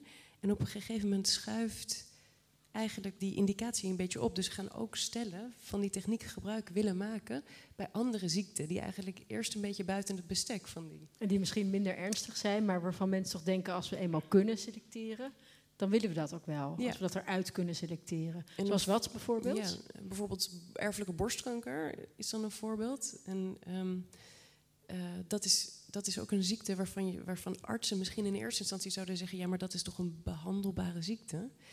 Maar als je dan een beetje verdiept in, in vrouwen die zo'n erfelijke afwijking in de familie hebben, dat zijn toch hele ingewikkelde geschiedenissen waarin vrouwen bijvoorbeeld eerst voor de keuze komen te staan: ga ik mij wel of niet voorspellend laten testen, van of ik de mutatie draag. En als ik hem dan heb, wat doe ik daar dan mee? Moet ik dan misschien preventief borsten en eierstokken laten verwijderen? Dat is, dat is allemaal vrij ingrijpend. En dat kan natuurlijk voor stellen dan ook een reden zijn om te zeggen: dan wil ik ook gebruik maken van preimplantatie, genetische diagnostiek of embryoselectie. Om ervoor te zorgen dat ik niet een kind krijg dat door, deze, door dezezelfde ervaring heen moet. Ja, ja het, het een roept natuurlijk weer het ander op. Dat is een beetje het probleem. Het- ja. Hoe, ehm, hoe vind jij dat medisch-ethische commissies daarmee om moeten gaan? Met eh, nee, vraag en aanbod en eh, nou ja, wat mensen zouden willen. Moeten ze uit de beginjaren van de IVF blijkt wel dat ze vrij eh, st- streng zijn en terughoudend. Hoe, hoe is dat nu? Nou, ik denk dat, dat dit een logische en ook wel verstandige manier is om dat, om dat aan te pakken. Als je kijkt naar de eerste IVF-baby's, wat u in het begin al zei, de, het, het was nog niet bekend wat de risico's zouden zijn voor de, voor de kinderen. Dus dan, dan moet je natuurlijk heel voorzichtig te werk gaan. Mhm. En eerst kijken wat zo'n techniek doet en wat er gebeurt. En, en dan is het te rechtvaardigen om dat misschien in een situatie te gebruiken waar er echt helemaal geen andere alternatieven zijn. En waarin iemand zelf eh, die nood zozeer voelt dat, dat, Mhm. nou ja, dat, hij, dat hij die risico's ook wil nemen. En in een later stadium, als blijkt dat een techniek inderdaad veilig en effectief, betrouwbaar genoeg is, dan, dan, lijkt, dan is het proportioneel om dat misschien voor minder, eh, minder dringende noodsituaties ook, Ook te gebruiken. te gebruiken. Zo gaat het vaak. Ja, precies. Maar, maar ehm, kijk, we hebben het natuurlijk gehad over embryo's met een bepaalde erfelijke ziekte. Dat is eh, ja, misschien wel steeds geaccepteerder aan het worden. Want dan, je wil natuurlijk niet dat inderdaad zo'n borstkankergen wordt doorgegeven of zo'n spierziekte. Of, ehm, in het filmpje ging het ook wel over nou ja, wat ze dan noemen mensverbetering. Eh, en dat kan natuurlijk zijn, ook misschien wel geslacht, maar het kan ook zijn, eh, wat in het filmpje was, kleurogen of misschien zelfs karakterkenmerken. Is dat iets wat ooit gaat gebeuren, wat, waar misschien vraag naar is of wat gewoon heel erg tegengehouden zal worden? Wat is jullie inschatting? Gaan we ooit aan mensverbetering doen? Wie durft? Nou, ik, ik begrijp niet eens het concept van verbetering. Waarom is eh, iemand met een bepaalde kleur ogen beter of slechter? Of... Nou ja, er wordt ook gezegd, er kan misschien over een tijdje ook ehm, op karakterkenmerken worden Ja, geselecteerd. maar zelfs over karakter. Waarom is iemand meer Agressief gedrag, impulsief gedrag, Ja, maar dat kan eh, ook criminele aanleg. Ja, criminele aanleg. Wow. Ja, nu, nu zijn veel van die eigenschappen niet zo makkelijk genetisch aan te passen. Mhm. Dat, Nee, dat dat- valt een beetje tegen. dus dat, dat maakt het wel een lastige vraag natuurlijk. is nog veel te veel toekomstmuziek eigenlijk. Of dit kan misschien wel nooit beantwoord worden. Heel veel van dit soort eigenschappen die we nu net noemen, daar, daar, dat zit genetisch zo ingewikkeld in elkaar. Dan zou je aan zoveel knoppen moeten gaan draaien dat dat heel lastig is om, om, om, te, om te doen, technisch. Ehm, maar de vraag is natuurlijk op zich wel interessant. Hoe, eh, Nou ja, als hij, als hij te eh, ver van mijn bed is, moeten we hem misschien niet stellen. Ehm, natuurlijk. eh, Oh, wacht even hoor. Er komt. Jullie mogen zeker reageren. Laten we nu maar even daarmee Mag ik beginnen. daar dat is nog iets eigenlijk wel over goed. zeggen? Ja. Want eigenlijk is de evolutie hetzelfde. Dat is ook selectie. Alleen dat kost miljoenen jaren om een mens beter te maken of een dier beter te maken. Maar door nieuwe technieken zou je die evolutie zo kunnen versnellen dat je dat misschien in tientallen jaren kan krijgen. En ik kan u zeggen, ik heb laatst een professor in een, een diergeneeskunde man uit Edinburgh gesproken. En die waren nu bezig om uh, varkens zo te veranderen dat ze meer vlees gingen maken. Dat is eigenlijk hetzelfde wat boeren ook doen op andere manieren, dat ze meer melk maken. Maar ze kunnen nu met die genetica kunnen ze dat beïnvloeden. En wat ze bijvoorbeeld ook bezig zijn, is in Nederland heb je mond- en klauwenziekte. Zo moeten er honderden koeien afgemaakt worden. afgemaakt worden. Maar je kan met een, bepaalde koeien uit Afrika, die hebben een bepaald gen, waardoor je geen en klauwziekte kan krijgen. En je zou zo'n gen kunnen inbouwen bij de Nederlandse koe. En dan krijgen ze dat niet meer. En dat is een proces wat ook door toeval zou kunnen komen in de loop van de jaren. En dan noemen we het evolutie en dat is fantastisch. Alleen als je het gaat beïnvloeden en je gaat dat proces versnellen, dan zou je het opeens niet meer goed, uh, goed vinden. En ja, dat, dat is de vraag wat je daarvan vinden moet. Ja. Maar alleen maar de, het, het intelligentie verhogen, dat is veel te ingewikkeld. Dat, uh, dat, dat krijg zal je niet niet zo lukken. voor elkaar. Nee. nee. nee. Um, daar is een vraag. Nou, je, jij keek zo kritisch op um, psychiatrische problemen. Als psychopathie, um, mensen die moordenaars zijn. Uh, ik, we hebben toch vreselijke dingen meegemaakt. Uh, Hitler, uh, Idi Amin. Wat zou het toch mooi zijn als we mensen kregen die dat niet meer konden. Ja, sorry. Ik wil, het is natuurlijk onzin dat, dat, dat we op, op, op huidkleur of oogkleur, dat is natuurlijk flauwekul. En, en, op andere karaktereigenschappen. Maar er zijn toch karaktereigenschappen die wij toch wel heel graag niet meer zouden willen zien. En jij denkt echt dat dit genetisch alleen bepaald is? Ik zou het heel fijn vinden als dat wel zo was. Ik bedoel, ik heb geen flauw idee hoe dat is. En of daar een toekomst in zit. Maar het zou toch wel fantastisch zijn als dat voor elkaar kregen. Maar als je de chromosomen van Hitler zou onderzoeken, dan onderscheidt dat zich niet van uh, iemand anders hoor. Oh, ja, er zijn wel anders, maar niet dat je zegt van hé, hey, dat uh, kan ik daarmee voorkomen. Het zit veel ingewikkelder in elkaar. Dus dat lukt niet. Maar misschien in de toekomst? En dat geldt voor een psychiater. Kijk, heel veel psychiatrische beelden weten we ook zelfs nauwelijks waardoor het komt. Dus je kan het ook niet beïnvloeden zolang je dat niet weet. Alleen als het door een heel simpel afwijkend gen veroorzaakt wordt, dan kan je zo'n gen er eventueel uithalen. Maar complexe dingen die niet zomaar simpel overgeërfd worden, die kan je niet zomaar beïnvloeden. Maar het is toch een mooi streven om dat te willen. Dat is een mooi streven. Ik zou het prima vinden. Geen ik zou er geen meer. bezwaar tegen hebben. Dat is het eerste wat we willen. Geen oorlog meer in de wereld. Ja. Geen agressie. Ja.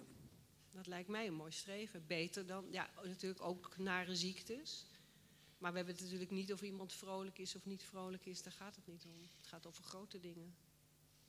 Wereld verbeteren. Um, nog één of twee vragen voor we aan de pauze toe zijn. Dus wie nog heel graag iets wil vragen, moet het nu doen voor de pauze.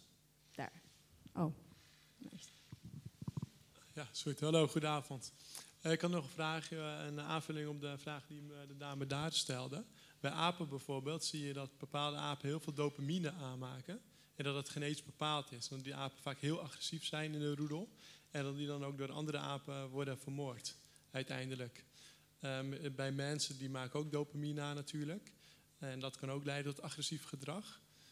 Um, dus ja, dus dan de vraag is het nature of nurture. Maar uh, de aanmaak van hormonen, dat kan je wellicht wel terugleiden naar uh, genetische aspecten, lijkt mij. Kan een van jullie daar iets over vertellen of toelichten? Of? Nou, ik, ik vrees dat we alle drie misschien niet precies weten hoe, hoe, dat zit. Maar bijvoorbeeld, er zijn wel discussies natuurlijk over bijvoorbeeld morele mensverbetering. Dus stel je voor dat je bijvoorbeeld met medicijnen of door genetisch hier en daar dus inderdaad misschien dit soort uh, varianten uh, te veranderen, die dus misschien heel indirect en, en misschien ook heel uh, met weinig voorspellende kracht, laten we zeggen, maar wel verband houden met dit soort gedrag. Dat, je kunt wel associaties waarschijnlijk vinden tussen genetische varianten en bepaald, nou ja, wat we dan als onwenselijk gedrag zouden kunnen zien. Maar stel je dus voor dat dat kan. Dat je dus inderdaad daar invloed op zou kunnen uitoefenen. Genetisch van tevoren of bijvoorbeeld met medicijnen. Maar aan de andere kant, ik vraag me ook wel eens af in hoeverre verschilt dat dan ook weer bijvoorbeeld van scholen en opvoeding. We proberen natuurlijk de nieuwe generatie op allerlei manieren, zeg maar, een soort van moreel bewustzijn beter te brengen. Zouden we dat dan medisch, zouden we daar nog aanvullingen op willen hebben? Nou, dat is een iets bredere discussie op zich wel een interessante discussie. Ik vrees dat zeg maar embryoselectie en CRISPR-Cas en zo niet per se de oplossing zijn ehm, voor dat probleem. Jij bedoelt ook meer een beetje bijveilen eigenlijk. Iets minder ingrijpend dan iets genetisch. Ja. En je zou dan alle, alle kinderen dat moeten doen. Want als je maar de helft van de bevolking doet en de andere die mag zich op de normale manier voortplanten, dan, uh, dan bereik je niks. Dus het, het, is niet erg praktisch om het uh, zo te bereiken, denk ik.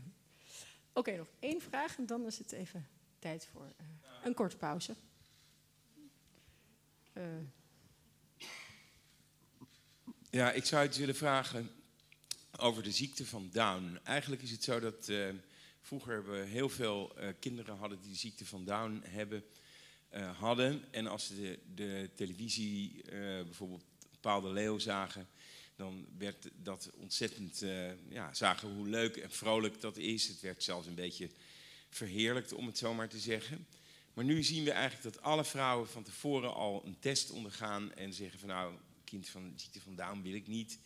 Uh, dat kan je misschien ook uh, met embryo's nu al helemaal tegengaan, zeker bij IVF. En in Zweden hoorde ik dat je al zelfs een ziekte van Down-vrije samenleving hebt. En ik ben wel eens benieuwd uh, naar de ethica, maar ook naar de gynaecoloog. Van hoe uh, wenselijk is dat dat we eigenlijk helemaal geen uh, kinderen meer krijgen met de ziekte van Down? Wie wil als eerste reageren? Ik weet, Wacht, ik weet dat in Nederland van de mensen die in aanmerking komen of die de test zouden mogen doen, die nieuwe test, dat wordt maar door 30% gedaan. En vroeger op leeftijdsindicatie was maar de helft van de Nederlandse bevolking die die test deed. Dus dat betekent dat een heleboel mensen dat helemaal niet absoluut nastreven. Maar er zijn ook mensen, ja, er zijn mensen die vinden dat als je dat kan uitsluiten, dat je dat per se moet doen. Maar u hoeft niet bang te zijn dat er in de toekomst geen Down-syndroom zal echt wel blijven bestaan. Want tenzij je gewoon iedereen verplicht gaat testen. En dat zal er denk ik eh, in deze wereld niet komen. En dan niet alleen hier in Nederland, maar in de hele wereld. Hè, bij. Nee, nee, nee. Er is geen enkele verplichting. Nee, er is geen verplichting. Maar in Zweden schijn je, naar ik begrepen heb, nog maar heel weinig kinderen met de ziekte van Down te hebben. En dat is, daarin verschilt Denemarken wel van Nederland. Dus bijvoorbeeld in uh, Zweden, de, volgens mij werd Denemarken, Denemarken, heel vaak ge, genoemd. Ja. Maar voor in, in Nederland kiest nog meer dan de helft van de vrouwen ervoor inderdaad om niet uh, die eerste trimester screening te doen. En ook als blijkt dat het kind aangedaan is, zoals dat heet, dan kiest ook nog een derde ongeveer van de vrouwen of stellen ervoor om het kind, om de zwangerschap toch te behouden, wetende dat het kind dan bijvoorbeeld Down syndroom of een van de andere afwijkingen heeft. Dat is, dat is toch uh, vrij aanzienlijk gedeelte. Dus de verwachting is niet dat dat in Nederland gaat gebeuren. Um, en daar heeft natuurlijk ook een soort van te maken met een soort van diversiteitsideaal. Dus dat het misschien mooier zou zijn als de samenleving veel verschillende mensen, en daaronder ook mensen met syndroom van Down, uh, kent. Um, en dat, maar, maar als dat nou minder zou zijn, uh, want ik vraag me op zich wel af wat, uh, wat precies dan het probleem is daarvan. in de zin van als vrouwen hier op individuele basis voor kiezen om bijvoorbeeld wel of niet aan screening mee te doen, of bijvoorbeeld wel of niet ervoor te kiezen om de zwangerschap uit te dragen. Of, um, als dat allemaal op basis is van individuele keuzes, is het dan heel slecht als meer vrouwen dat soort keuzes gaan maken? Of vrouw, mannen en vrouwen samen? Of en met ook eventuele partners. ja. sorry, in zo'n situatie bent, dan denk ik dat, dat je natuurlijk het liefst uh, een kind wil wat gymnasium beta gaat halen, een sportheld wordt of weet ik wat. Maar ik vind het ook wel pijnlijk dat ik, als ik dus hoor dat ehm, ook, toch ook wel heel veel uitgeselecteerd wordt. Hoewel het, ik die cijfers van Nederland niet kende en dat wel weer bemoedigend is. Dat toch ook heel veel mensen dan kiezen voor het dragen van het misschien wat minder perfecte kind. Ja, je bent een beetje de, de aanhanger van het diversiteitsideaal in Nederland. Ja. We begonnen de avond uh, door terug te kijken. We eindigen met de kwestie hoe we nu zouden moeten kijken naar het nieuwe en het onvoorstelbare. Uh, naar de IVF-technieken van de toekomst. Um, vorige week stond er in de correspondent een heel groot uh, artikel over, misschien hebben jullie dat gezien, over de nieuwe voortplantingstechnieken. daarin zei Sjoerd Repping, hij is hoogleraar humane voortplantingsbiologie, die zei deze uitspraak. Het grootste reproductieve probleem van de vrouw nu is haar toegenomen leeftijd. Uh, dat is dus, wat, wat vinden jullie van die uitspraak? Panel? is dat inderdaad het grootste probleem van nou ja, misschien de Nederlandse vrouw, dat we te laat aan kinderen beginnen? Nou ja, als uh, professor, professor uh, Ripping dat vindt, dan zal het wel zijn.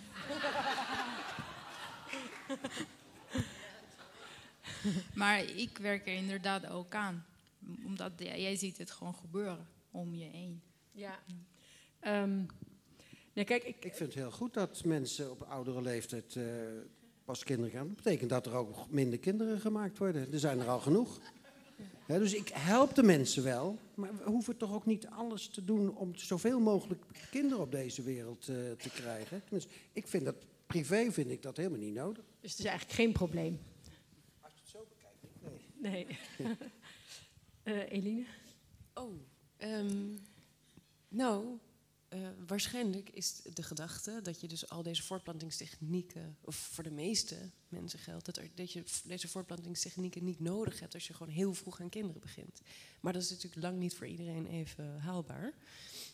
Um, ja, precies. Ja. Nou, um, ik, ik, vraag het ook een beetje omdat je. Ik had een gedachte over, uh, over eicellen en de toekomst. Um, ja, nu woedt er eigenlijk een strijd om de handel in lichaams-eigen materiaal. Of dat nou nieren zijn, of eicellen of zaadcellen.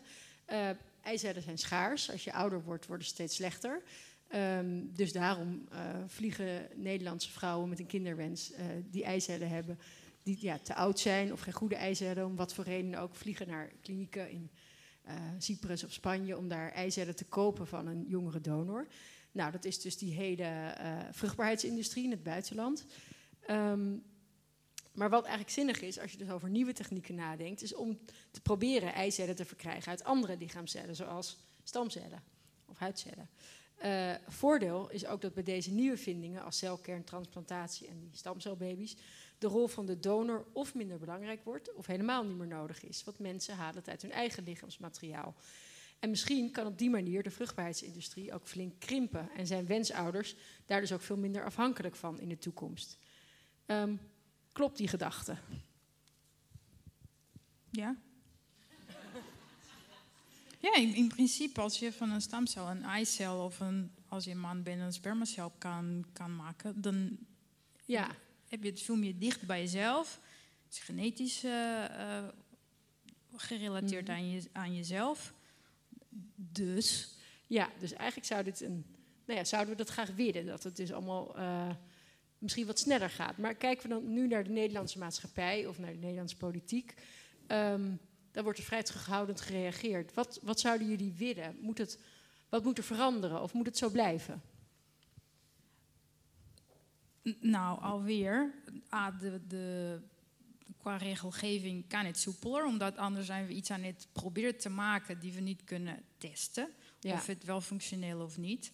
En er moet ook gewoon middelen zijn of een, een belang zijn om de, de, technologie te ontwikkelen. Als dat niet is en de maatschappij of mensen die uh, nou, geld hmm. sturen voor bepaalde projecten, wetenschappelijke projecten, dat niet inzien, dat, daar zou de techniek niet ontwikkeld worden. Ja. Maar ik zie het persoonlijk, als het zover komt dat het kan en veilig en safe en goedkoop en alles, dat, dat het gewoon kan, als een, bewijs van spreken, een verlenging van IVF. Dat het gewoon de, de, de koppel naar de kliniek gaat. De cellen worden daar, daar gemaakt. Er komt een van de vrouw een ooziet of van welke van de uh, persoon in de koppel een probleem heeft, komt er een, eh, een, een baby eventueel en die wordt dan teruggeplaatst. Ja, dus een soort nieuwe manier van IVF eigenlijk. Een verlenging. Van. Ja, verlenging. Ehm, eh, nou ja, u was natuurlijk in die beginjaren van de IVF toen er heel veel eh, maatschappelijke tegenwind was. Ehm, zal de maatschappij nu net zo huiverig en anti reageren op bijvoorbeeld de eerste stamcelbaby als op de komst van IVF in der tijd? Nee, ik denk als, als je stamcelbaby baby zou kunnen krijgen, dan verwacht ik niet dat men daar eh, heel veel bezwaar tegen heeft. Wel, als je allerlei beïnvloeden van, de- van een kind krijgt, maar als je gewoon een stamcel gebruikt in plaats van een zaadcel, dan denk ik dat de meeste mensen het verschil überhaupt geen eens eh, zien. En ik denk dat ze daar emotioneel niet zo heel veel bezwaren tegen hebben. Nee. Dat- ik denk niet dat, daar ben ik niet zo bang voor. Nee. Maar goed, dat is alleen maar voor situaties dat dat nodig is. Ja. De meeste mensen doen het liever op de normale manier. En niet eh, al dat gedoe waar wij ons mee bezighouden, dat, eh, dat willen ze helemaal niet. Als het natuurlijk kan, zullen ze dat doen. Tuurlijk, dat is de Ja. eerste keuze. En dat is ook de reden dat je beter op jonge leeftijd zwanger kan worden. Want dan heb je de, meer kans dat je, het, eh, dat je het zelf kan doen. Ja. Dat is gewoon veel beter. Als je maar niet te lang doorgaat dan. Nee. en zoveel kinderen op de wereld zet. Ehm Edine, hoe zie jij dat? Eh, hoe zal die maatschappij reageren? Ik zat nog even te denken aan, eh, bijvoorbeeld er is laatst best wel veel eh, ruchtbaarheid geweest aan, die, aan, die voortplantings, aan dat voortplantingstoerisme. Bijvoorbeeld ook met een vierdelige serie over Ja, de baby-industrie. de baby-industrie. En als je ziet, er, als je kijkt naar deze toch wel ernstige schaduwzijde ook van dat, dat toerisme, dat dus nu op dit moment kennelijk nodig is, omdat de, de vraag van mensen eigenlijk het aanbod in- dit, op dit moment in Nederland overstijgt. En mensen toch echt ver gaan om hun kinderwens te verwezenlijken. Mhm. Maar die schaduwzijden ervan, die, die, die, die zijn wel ernstig. Wat er gebeurt met het donoren van eicellen of wat er gebeurt met draagmoeders, als je dat niet meer nodig hebt, omdat je, ook als je geen eigen eicellen meer hebt, met een huidcel toch een eicel weer kunt maken, dan is dat natuurlijk winst. Ja, In, in die dus de maatschappij zal misschien ook wel eh, ja, coulanter reageren dan op IVF toenertijd, omdat ze de voordelen zien. En ook de schaduwzijde kennen van die vruchtbaarheidsindustrie in het buitenland. En ik weet dat niet zo goed, want ik kan me ook voorstellen dat er een, toch een soort van jak-factor is in de samenleving. Van, Ja. van is dit nou de manier waarop we kinderen Wordt dit mijn kind? Ja, ja. Ja. Eh, dus ik, ik weet niet zo goed hoe die acceptatie zal zijn. Nee. Ehm, ik heb even een vraag uit de zaal. Ehm, en ik denk ook wel dat het eh, goed is als er nu ook al vragen zijn, kunnen die eigenlijk wel gewoon gesteld worden. Dus eh, als iemand al een prangende gedachte heeft, mag hij zijn vinger opsteken. En hier aan deze kant is dat al het geval. Ehm, wat ik me afvraag is wat de kinderen daarvan vinden als ze op deze manier verwekt zijn. We hebben in, ons laatste, in onze laatste interviews voor een ander onderzoek... eh, waren er eh, bijvoorbeeld een paar kinderen die zeiden van ja... en dan word je gemaakt in het laboratorium... en je vader en moeder hebben het niet eens gedaan. Dus je bent niet een liefdesbaby... En, en dat geldt misschien ook voor het toerisme naar het buitenland. Eh, nou ja, gewoon, en hoe is het als je uit een stamcel gemaakt wordt? Wat vinden, wat vinden jullie daarvan? Dat mis ik eigenlijk een beetje in de discussie. Ja, nou ja, goed punt. Maar een IVF-baby is toch ook in het laboratorium gemaakt? Dus vinden IVF-kinderen ook dat ze niet uit liefde... Nou, dat moeten we denk ik de kinderen vragen. Eh, maar het zou best kunnen zijn dat er kinderen zijn die dat dus ook niet fijn vinden. Omdat ze het liever willen dat hun ouders dat zelf kunnen. Ik ben het wel met u eens dat dat soms een probleem zou kunnen zijn. Maar ik denk dat er een veel groter probleem is dan al die kinderen. En er zijn een veel groter aantal kinderen die oorzaak zijn van een ongelukje die helemaal niet gewend zijn. En dat zijn veel grotere aantallen. En dit IVF-kinderen zijn allemaal, hoewel ze dan niet op een gemeenschap hebben gehad, maar dat zijn wel mensen die daar heel bewust voor gekozen hebben. Dus die kinderen die weten gewoon dat ze toen de tijd gewenst waren. En er zijn heel veel kinderen die zijn gewoon, eh, dus gewoon, eh, die hadden eigenlijk helemaal niet geboren moeten worden. Dat Wat? weten ze vaak niet, hè? Dat ze Dat door weten ze niet. ongelukje nou, geboren een heleboel zijn. kinderen horen dat best later van. Je bent een ongelukje. Misschien zitten er hier in de zaal wel een paar ongelukjes. Nou, ik denk in Kijk de eens, tijd, ik zie al vingers. In Ja. de tijd van mijn vader en moeder waren er misschien alleen maar ongelukjes, want toen waren er nog geen voorboedsmiddelen. Nee, ja. Eh, Maar, maar misschien doelt u ook wel een beetje op, eh, die we hadden hier bij de vo- vorige debatavond, het donorkind is inmiddels eh, 42, maar 40.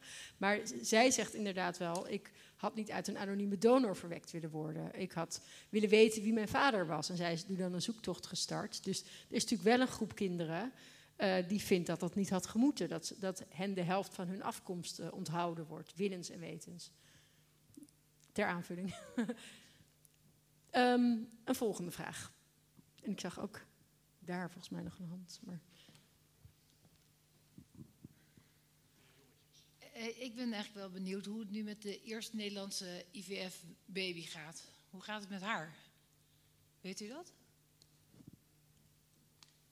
Ze is eh, twee weken geleden is ze jarig geweest, want ze is op 15 mei geboren. En ik heb toen contact met haar gehad, maar ik kan daar natuurlijk niet zo heel veel over zeggen. Maar het gaat wel goed met haar. Ja. En ze heeft ook al eh, een kind, dus eh, alleen zij had dus weer wat te vroeg een kind. Ja. Maar wel op natuurlijke wijze heeft ze een kind gekregen. Te natuurlijk. Ja, ja. Ja, logisch als het te vroeg heeft. Mag ik nog één andere vraag stellen? Ehm, ik was wel geïntrigeerd doordat de embryowet kennelijk niet in België is, of minder streng dan in Nederland. En ik dacht dat is zo dichtbij, maar loopt België dan ook heel erg voor omdat ze meer mogen onderzoeken? Of doen, weet je, ge- gebeuren dingen die wij hier nu vanavond bespreken, gebeurt dat al in België? Ja. Dus ze kan andere type onderzoek doen die wij dus niet kunnen. Dan ben ik benieuwd, hoe ver zijn zij dan? Het gaat niet zozeer in hoe ver, maar wat ze wel mogen onderzoeken. Omdat ik kan iets niet doen, dus ik ben er niet ver of niet ver. Sommige dingen mag ik dus gewoon niet onderzoeken. Hebben zij helemaal geen. eh, eh, ze hebben ook een medisch-ethische commissie natuurlijk, maar hebben zij. bedoel, hoeveel. hoe- hebben zij weinig belemmeringen? Of geen belemmeringen? Of hoe ver mogen zij gaan? Ze mogen embryo's eh, genereren met het doel om iets te onderzoeken in die gecreëerde embryo's. Dat, dat is alles. Maar obviously, ehm, afhankelijk van het doel, dat moet ook naar een ethische commissie gaan. Eh, en dat wordt ook getoetst. Dus het mag niet alles. Het moet wel een, een, een doel hebben die goedgekeurd is door de ethische commissie. Dus eh, ze zijn be- best heel zorgvuldig daar eh, ook. daar en daar nog een vraag. Oh, sorry. Ehm, ja, ik, als ik het zo beluister, dan, eh, dan lijken er eigenlijk vooral wettelijke grenzen te zijn. Inderdaad, embryowet eh, met name. En ehm, ik ben zelf jurist en wordt altijd gezegd, wet is gestolde moraal. En eh, dat is in dit geval natuurlijk ook zo. Er zijn allerlei maatschappelijke en politieke discussies aan vooraf gegaan van hoe ver je mag gaan. En zou dan niet de conclusie kunnen zijn dat er eigenlijk gewoon binnen de samenleving, binnen de politiek nog veel meer nagedacht en doorgedacht moet worden over al die voor's en tegens die moeten worden afgewogen. En ook inderdaad het gekke, het gekke dat het in België kennelijk zo anders is als buurland en als toch als cultureel land wel verwant aan ons. Ehm, en als dat eenmaal, als die discussie nog beter en geavanceerder gevoerd wordt, dat er misschien ook wel meer mogelijk zou moeten kunnen zijn. Dat is denk ik de hoop van veel onderzoekers en ook uiteindelijk natuurlijk ook wel de verwachting. Zo'n wet is, is op een gegeven moment ontstaan, misschien in een, in, een, in een periode waarin al deze voorziene en onvoorziene risico's nog niet helemaal in kaart gebracht waren. Op een gegeven moment is er misschien toch meer, meer ruimte. Eh, en je ziet dat als de moraal eh, zich wat verbreedt, dat dan de wet vaak volgt. Niet altijd, en dat hangt ook een beetje af van het politieke klimaat waarin we zijn. Ehm, nog twee vragen en dan ehm, sluiten we af met Alma Matthijssen. De, uitdaging in deze problematiek vanuit het medisch perspectief is niet zo heel ingewikkeld. Je moet zorgen voor behandelingen die effectief en veilig zijn. En er ligt ook een verplichting vanuit de medische professionals om dat te toetsen. En het medisch ethisch kader is in die zin ook wel relevant dat je moet toetsen of het, het doel de middelen heiligt. het probleem waar wij in Nederland mee zitten, en daar doelt de vorige vraagsteller ook op, is dat wij in een politiek klimaat leven waarin de principiële bezwaren van bepaalde partijen voorkomen dat hier voortgang in is. En het ingewikkelde met principiële bezwaren is, die golden in het jaar 0, die gelden in het jaar 2018 en die gelden ook nog in het jaar 4000. Dus hoe, hoe zien jullie zeg maar, de, de pogingen van de samenleving? Want er is al 15 jaar over gedebatteerd, alle argumenten liggen al heel lang op tafel. Hoe nemen we dat laatste politieke stapje van partijen die hier principiële bezwaren tegen hebben? Um, nou ja, ik denk dat jij volgende week misschien een poging gaat doen. Het probleem is met principiële bezwaren inderdaad, is dat die meestal niet, uh, ook niet door discussie losgelaten worden. Dus die blijven vaak bestaan. Um, je kunt vaak niet uh, nieuwe feiten aandragen of nieuwe variabelen inbrengen die dat verhaal anders maken. Dus die, die blijven daar staan. En dat betekent dat je daar wel rekening mee moet houden. Um, maar die gaan, niet, die gaan niet opgelost worden, die gaan niet weggehaald worden. Die, die staan er. De laatste vraag. Ja, ik was wel benieuwd of um, wat de gemiddelde leeftijd van IVF is aan uh, de gynaecoloog. Ik geloof dat het in Nederland tussen de 34 en 35 jaar is. In die buurt ongeveer. 34, 35 jaar. Mijn uh, stelling is eigenlijk een beetje dat IVF uh, misschien dus wel een reactie is. Vorige keer hebben we hier geleerd dat je heel jong aan kinderen moet beginnen, wil je kans maken. Hè? Dat was de vorige uh, avond. Bleek dus uit dat je, uh, dat je vruchtbaarheid eigenlijk heel snel afneemt. Dus als u zegt dat is 4,35 die IVF, dan begin ik toch een beetje een verband te zien tussen de geboortebeperkingsgolf die je in de jaren 60 ziet met de komst van de pil en andere zaken, toename van abortus, dat je dan tien jaar later zie je ook dus ehm, IVF toenemen. Dus je kunt je afvragen of die twee zaken geen verband met elkaar uh, hebben. Of het, of het een niet een, ook een vorm van reactie is op het andere. Omdat vroeger, zoals net al uh, u zelf vroeg, je moedjes had en er helemaal niet eens over nagedacht werd. Nou, die oudere leeftijd is de oorzaak van de komt door de pil. Als we de pil niet hadden gehad, dan was, was die leeftijd helemaal niet zo hoog geweest. Men kan kiezen en men wil sociaal niet te vroeg met kinderen, wat ik op zichzelf best kan begrijpen. Mijn vrouw was 25 toen ze zwanger wordt, maar mijn kinderen, die krijgen allemaal kinderen eh, terwijl ze al 5, 6 jaar ouder zijn. Maar als er geen anticonceptie was geweest, dan waren die mensen ook niet zo oud geweest. Want men stelt door de anticonceptie de zwangerschapswens uit. Is, dus die IVF de pil is, de oorzaak. Dus IVF is een reactie op anticonceptie eigenlijk. Nou ja, in, in, niet helemaal, maar indirect wel een beetje. Ja. Tenminste, het feit dat men ouder op hogere leeftijd pas kinderen krijgt. Dat komt dus, en dat men dus ook op oudere leeftijd IVF doet, dat komt door de, door de aanwezigheid van goede anticonceptie. Ja, en daarom hebben we de, de, Brave New Baby nodig. En daarom hebben we dat uh, uit en bekeken deze avond. Um, ja, hopelijk heeft ieder voor zich weer uh, wat nieuwe inzichten opgedaan. Uh, of is op een interessante gedachte gestuurd. Um, ik wil alvast heel hartelijk mijn gasten bedanken. Susanna, Bert, Eline. en ik wil heel graag, ja, applaus eigenlijk wel voor... Um, en ik wil jullie natuurlijk ook heel hartelijk bedanken. Maar last but not least, een portie voer voor de geest wordt verzorgd door Alma Matthijssen. Uh, met een fragment uit haar verhaal Een wereld zonder mannen. En misschien kunnen wij beter uh, even daar gaan zitten.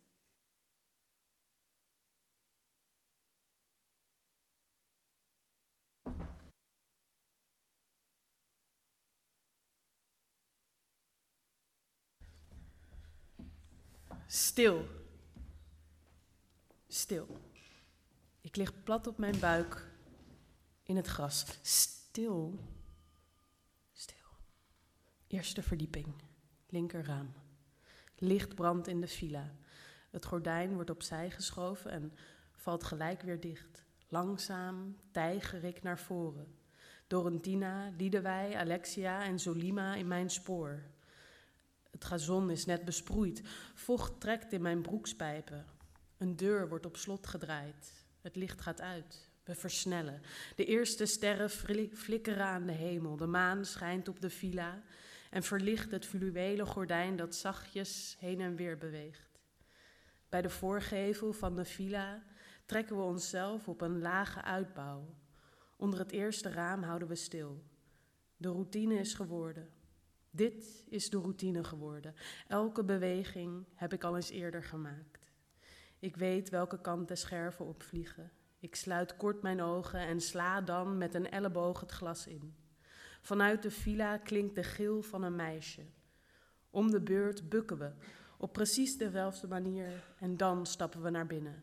De slaapkamer is ingericht naar de mode van de nieuwe periode. In een van de hoeken staat een tweepersoonsbed dat keurig is opgemaakt. De satijnen dekbedden overtrekt glimt in het maanlicht. Het behang is bedrukt met gouden zuilen. Er tegenover staat een kaptafel.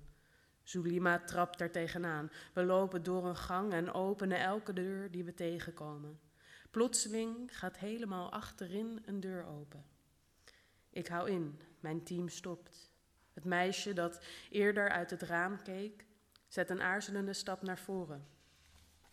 Het is maanden geleden dat ik voor het laatst een kind heb gezien. Als op commando zakken we door onze knieën.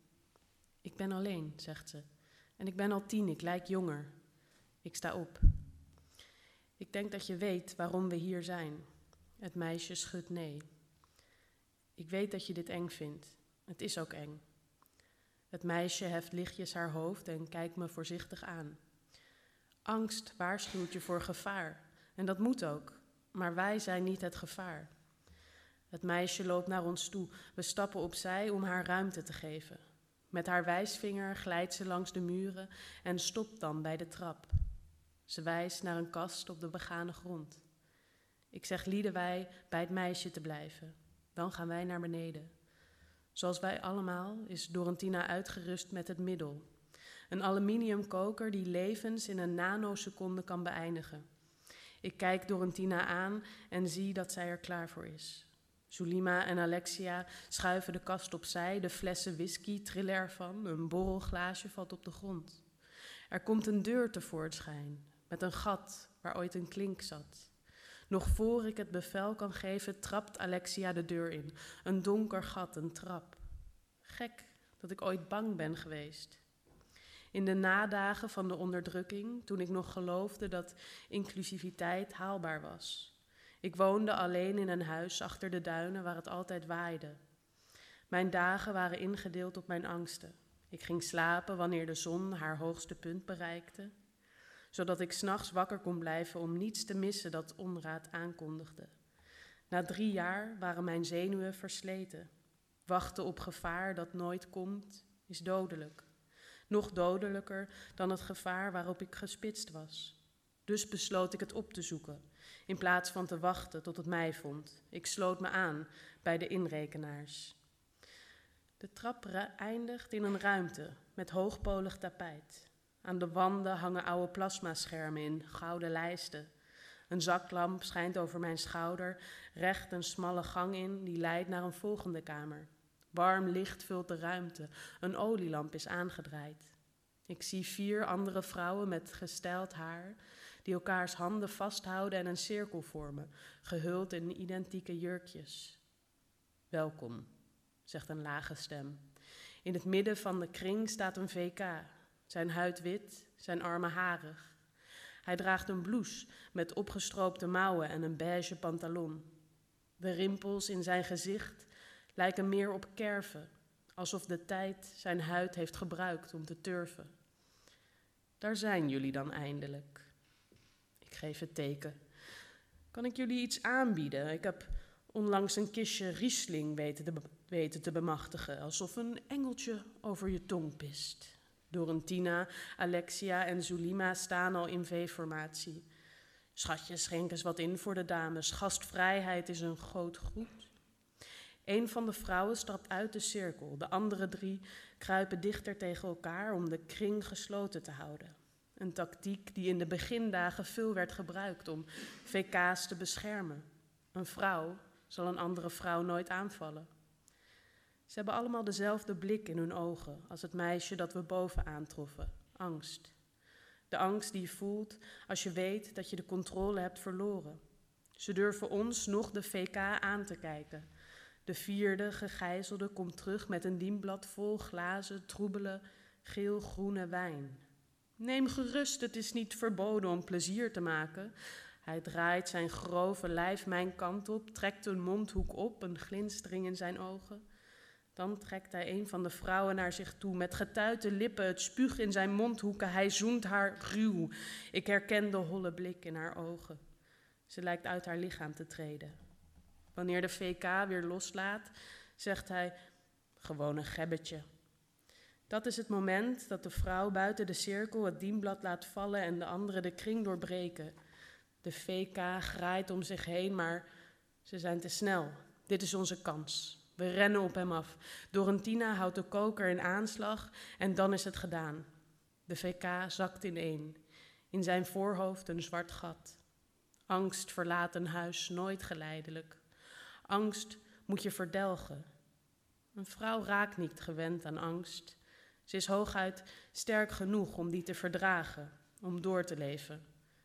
En dat is nu voorbij.